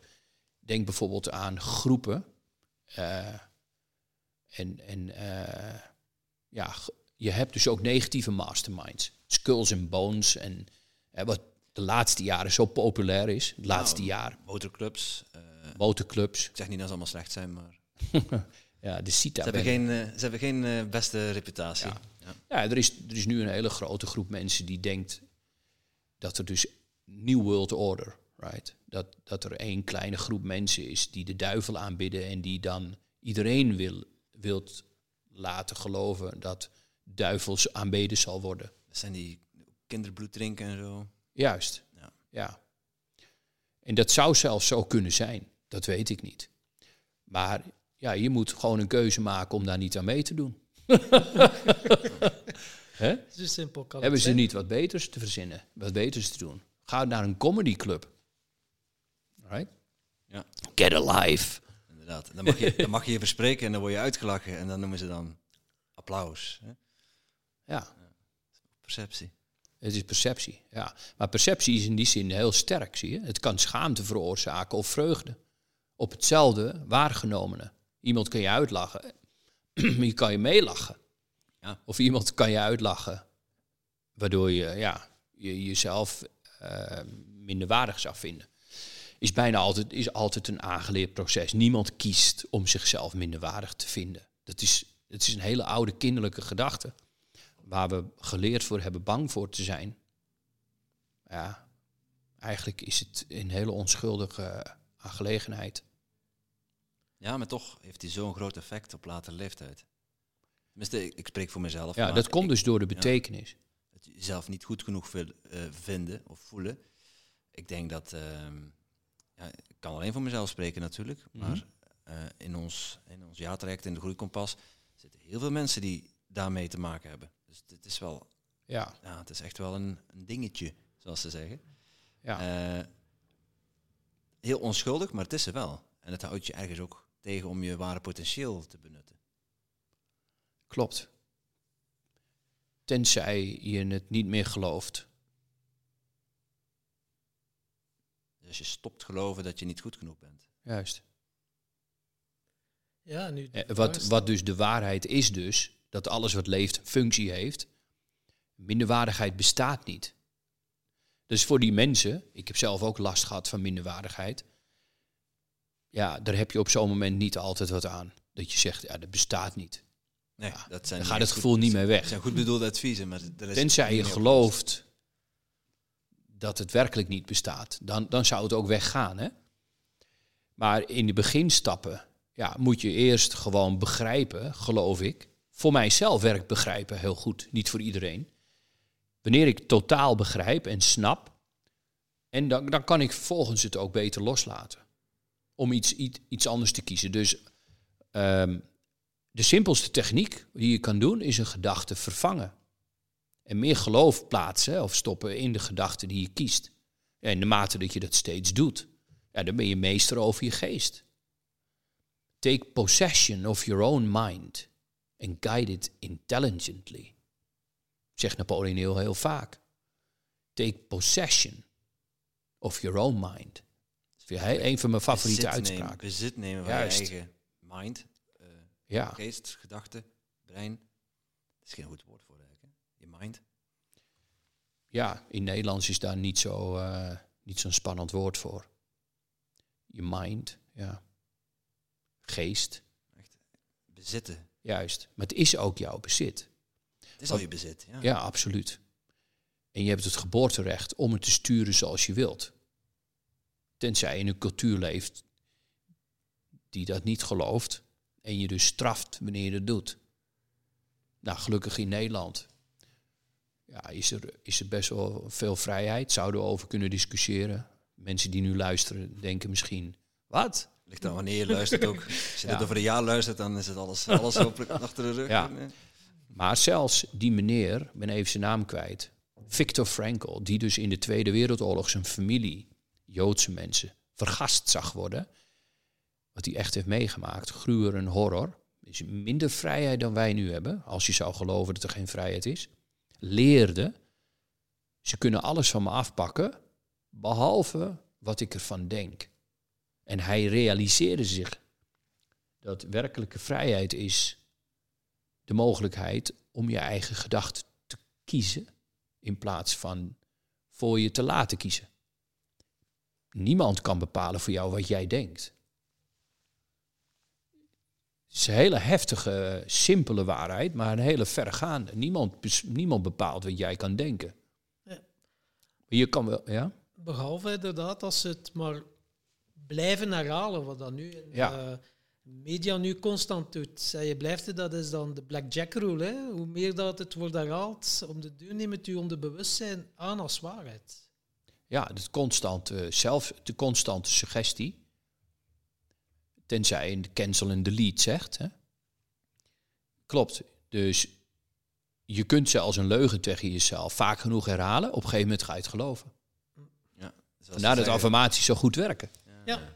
Maar het is zo ook, maar een keer dat je het niet meer gelooft, dan, is, dan ben je er ook klaar mee. Je hebt een, een tijdje geloofd, Sinterklaas bestaat, maar vanaf dat je zegt, ah nee, bestaat niet, kan je niet meer terug naar de oude geloof. Je Nee. niet zeggen in één keer, ah ja, bestaat toch nog.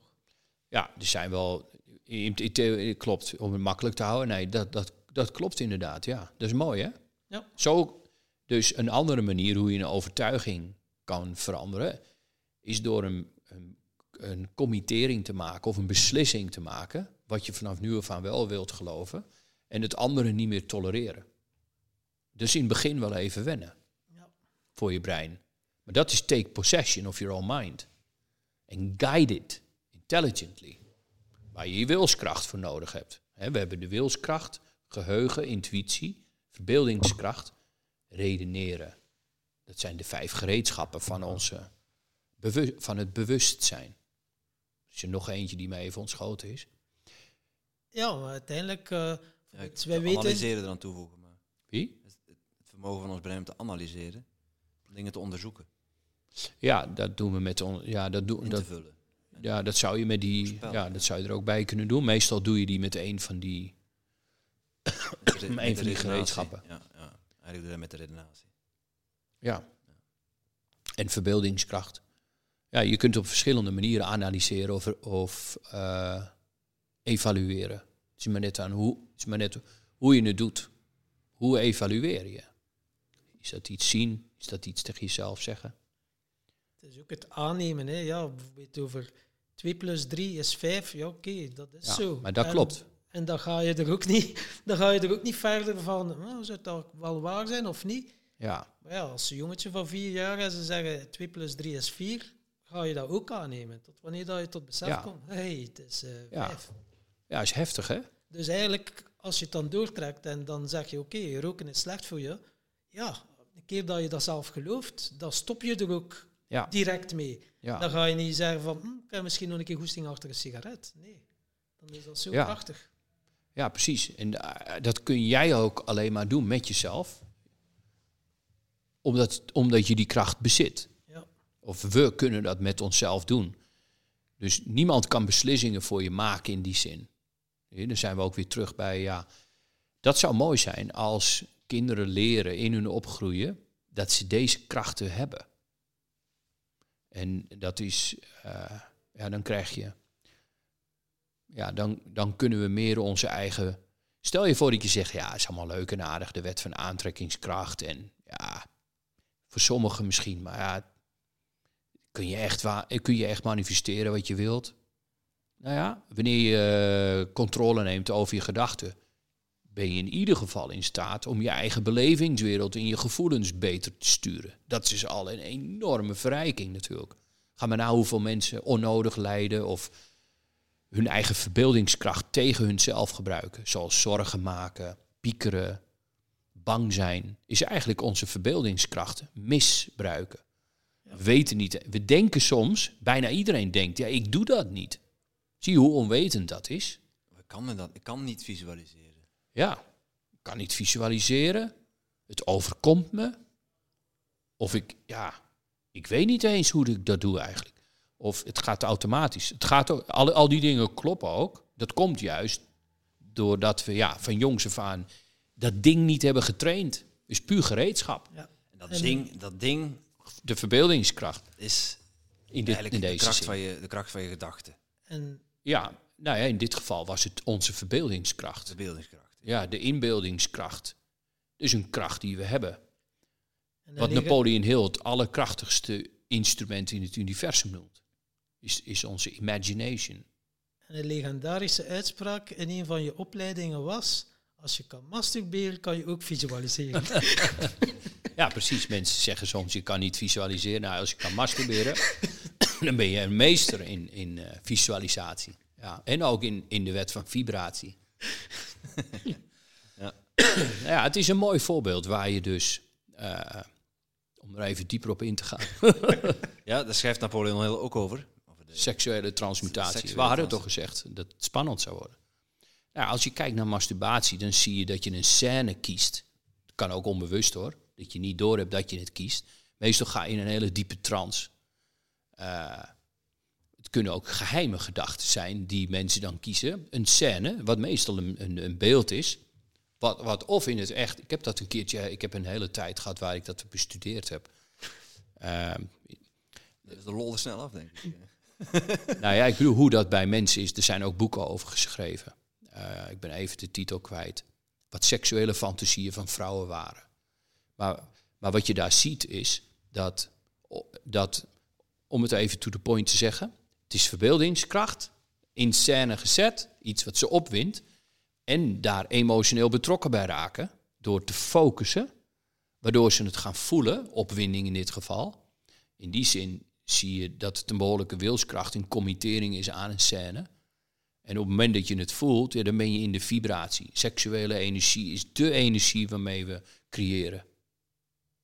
Oftewel, seksuele energie is levensenergie. Ja, we kunnen ermee voortplanten, is power. Kunnen andere mensen ermee maken. Dat is wel eh, magie niet.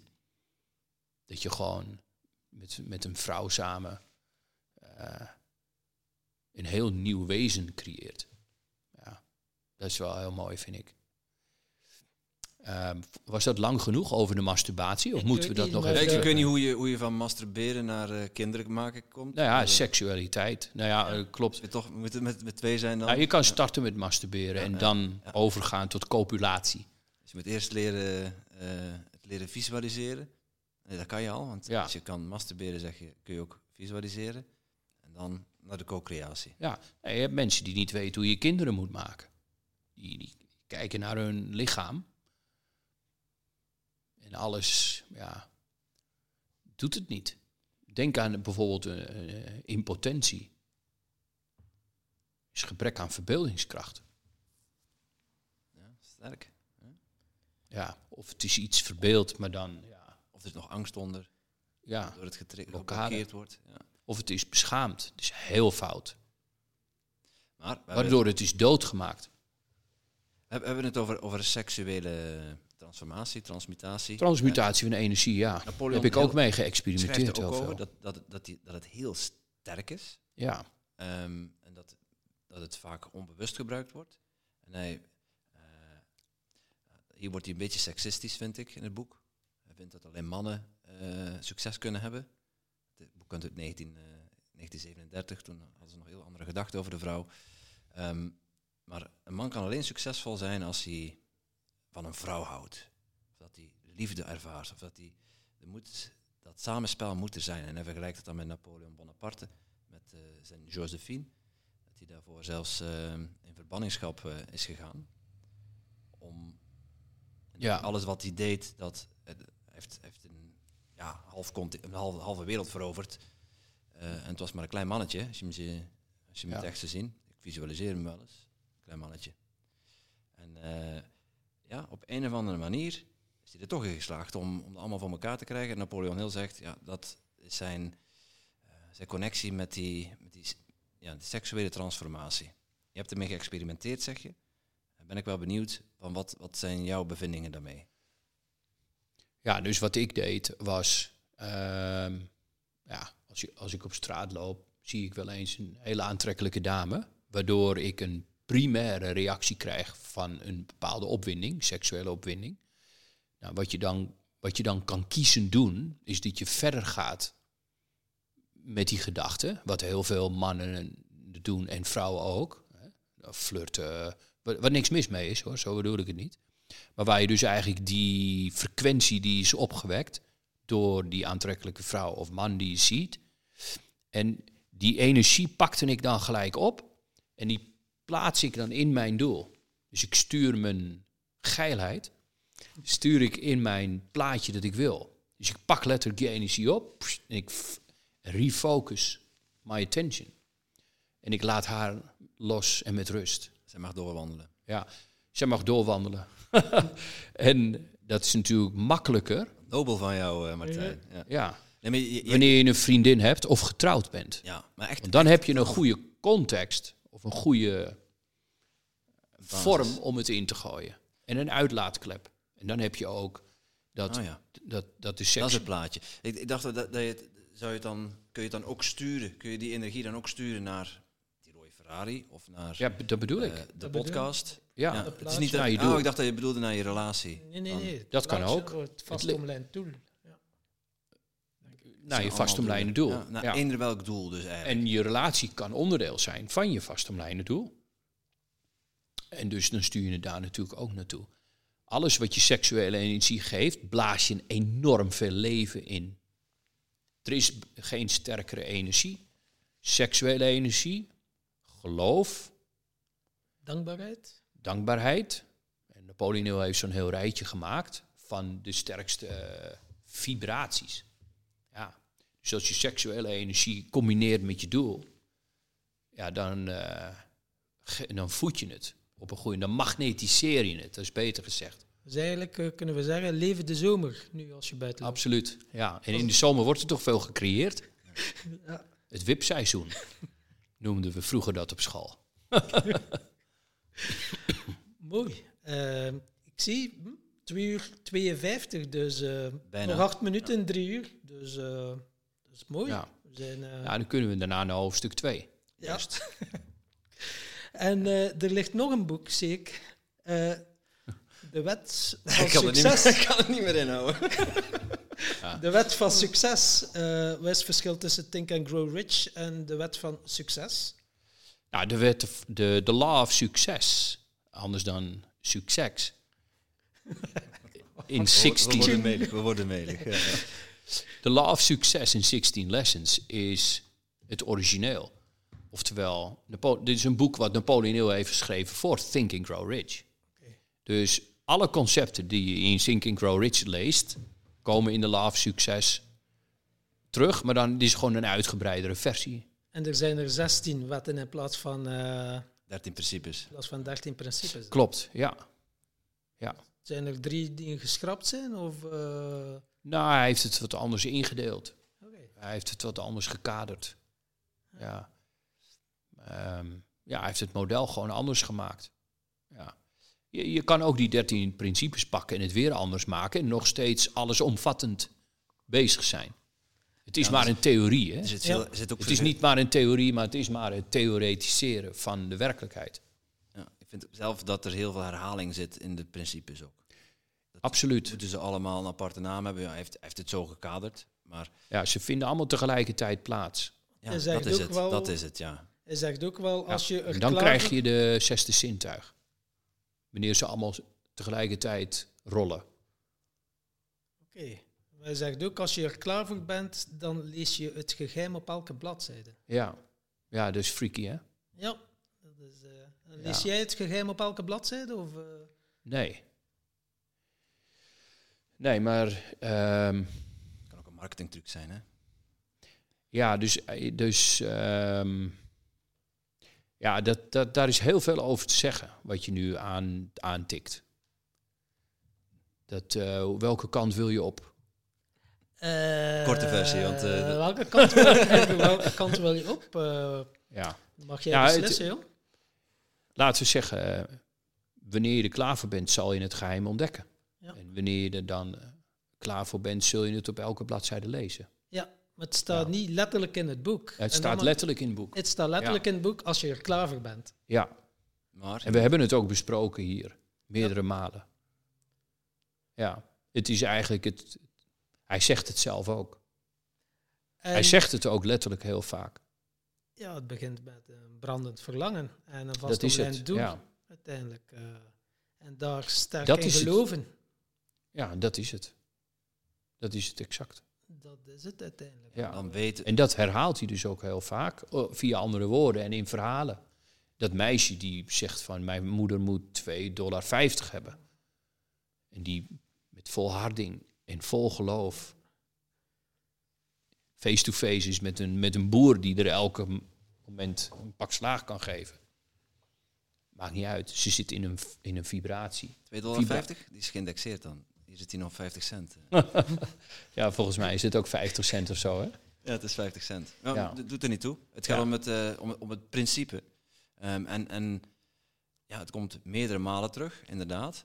Maar ehm, Mensen hebben het ook ervaren in hun leven. Ga maar na in je eigen leven. Wanneer je echt iets wilde, toen had je desire. In plaats van, ja, het zou leuk zijn als. Wensen of hoop is niet voldoende. De state of mind moet geloof zijn. Iedereen heeft meegemaakt in zijn leven dat je echt iets wilde. Dat het moest gebeuren. En je wilde dat het gebeurde. En je geloofde dat het gebeurde. En daar was er de chemische chemical reaction. Wat Napoleon heel beschrijft als zijnde, dat hebben mensen met hun grote projecten en doelen. Iedereen kan dat doen. ja, ik, ik vind de titel in het Engels, Think and Grow Rich, is meesterlijk gevonden. Wat, wat, tenminste, wat ik ervan vind. Eh, het denken, groeien en, en rijkdom. Eh, in het Nederlands is het denk groot en word rijk. Wat, vind, je, zelf van die, van die vertaling, eh, Martijn? Ja, vind ik zelf ehm, minder. Ik vind Think and Grow Rich is ook, vind mooier, inspirerender, interessanter dan Denk groter en word rijk. Het is eigenlijk niet een juiste vertaling van Think and Grow Rich. Denk groot. Hoewel- Alhoewel, de principes kloppen wel hoor. Eh, dus denk groot en word rijk, ja, klopt. Waarom niet, hè? Ja, wordt rijk, eh, dat hoeft niet altijd geld, hè, geld met geld, maar eh, rijk van geest. Ja. eh, Klopt, ja. Ja, al schrijft Napoleon heel, al, heeft het wel echt over fysiek, over geld hebben, rijkdom vergaren.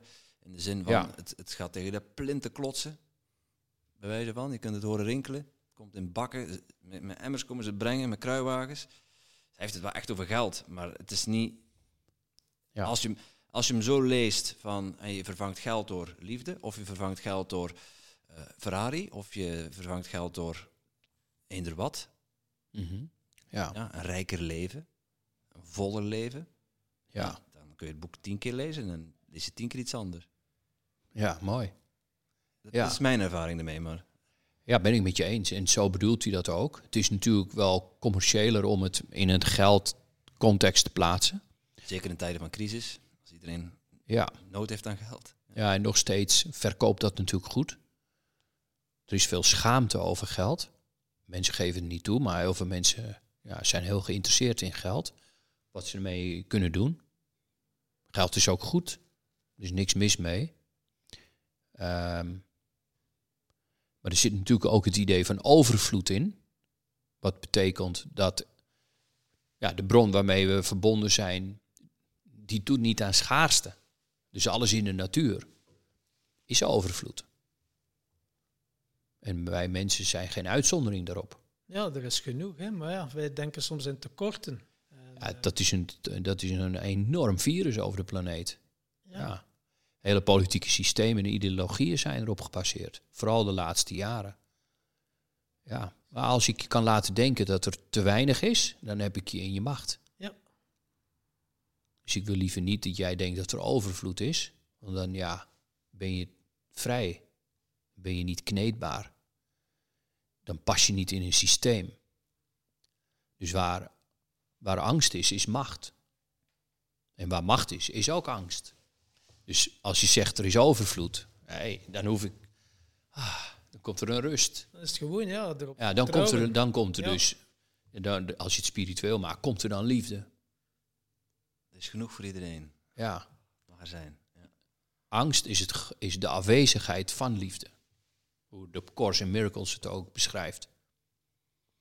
Dus wanneer het liefde er niet is, of wanneer je denkt dat er niet genoeg liefde is, begint angst toe te treden. Misschien is er niet genoeg. Nu ga ik in één keer ja, zondigen. Ja, dat is zoiets. Hè. Angst eh, klopte aan de deur, de liefde deed open en zag niemand niet staan. ja, mooi. Ja. Ja, dat is een beetje ook in de bus. Hè, wat ik vertelde met die man die zo negatief dacht. Ja. Ja. We hebben eh, de drie uur eh, gehaald, de kaap. ja, ik hoop dat het is opgenomen, anders moeten we zo weer opnieuw. Ik ga er een stukje in afknippen dat het net onder de drie, minu- drie uur is. Ja. Kan. Ja, geen probleem. Ja. Volgens mij, ja, ik, eh, ik heb even naar de inhoudstabel gekeken. Ehm, we hebben een nieuw, in principe alle dertiende principes toegepast. Ehm, maar ja, ik denk dat wij hier ja, dertien van zulke podcasts over kunnen opnemen. Om wat over Think and Grow Rich te hebben. Zonder in herhaling te vallen, zonder dat het saai wordt ook. Ehm, maar ik wou je wel nog vragen, Martijn, misschien eh sla, een willekeurig, sla een willekeurige bladzijde open en, en wil je misschien Ja. een klein stukje voorlezen. In Nederlands? Ja, doe maar. Doe maar in Nederlands, ja.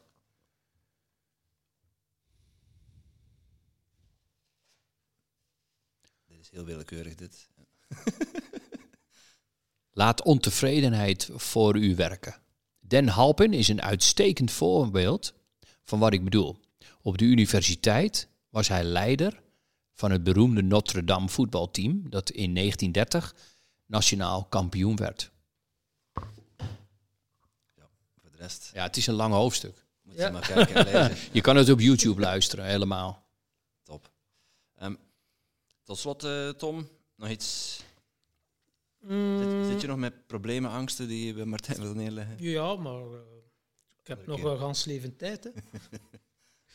nee, er zijn al... eh, hey, uiteindelijk zijn het geen problemen, het zijn uitdagingen. Het is ook hoe dat je er tegenaan kijkt. En door het al te herkennen bij jezelf en het te accepteren, maak je al een grote stap.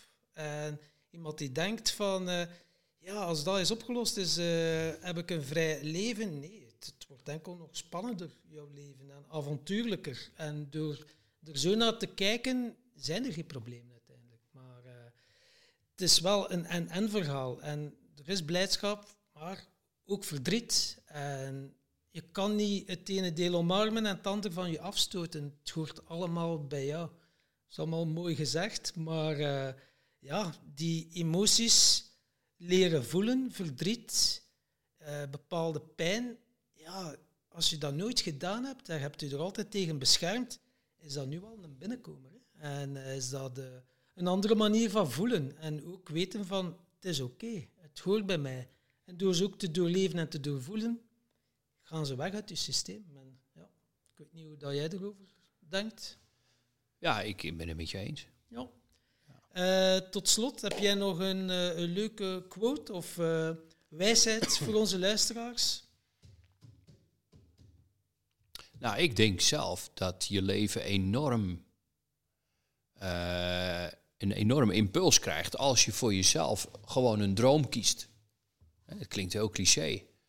Maar als je voor jezelf een, eh, ja, wat is het dat je echt wilt?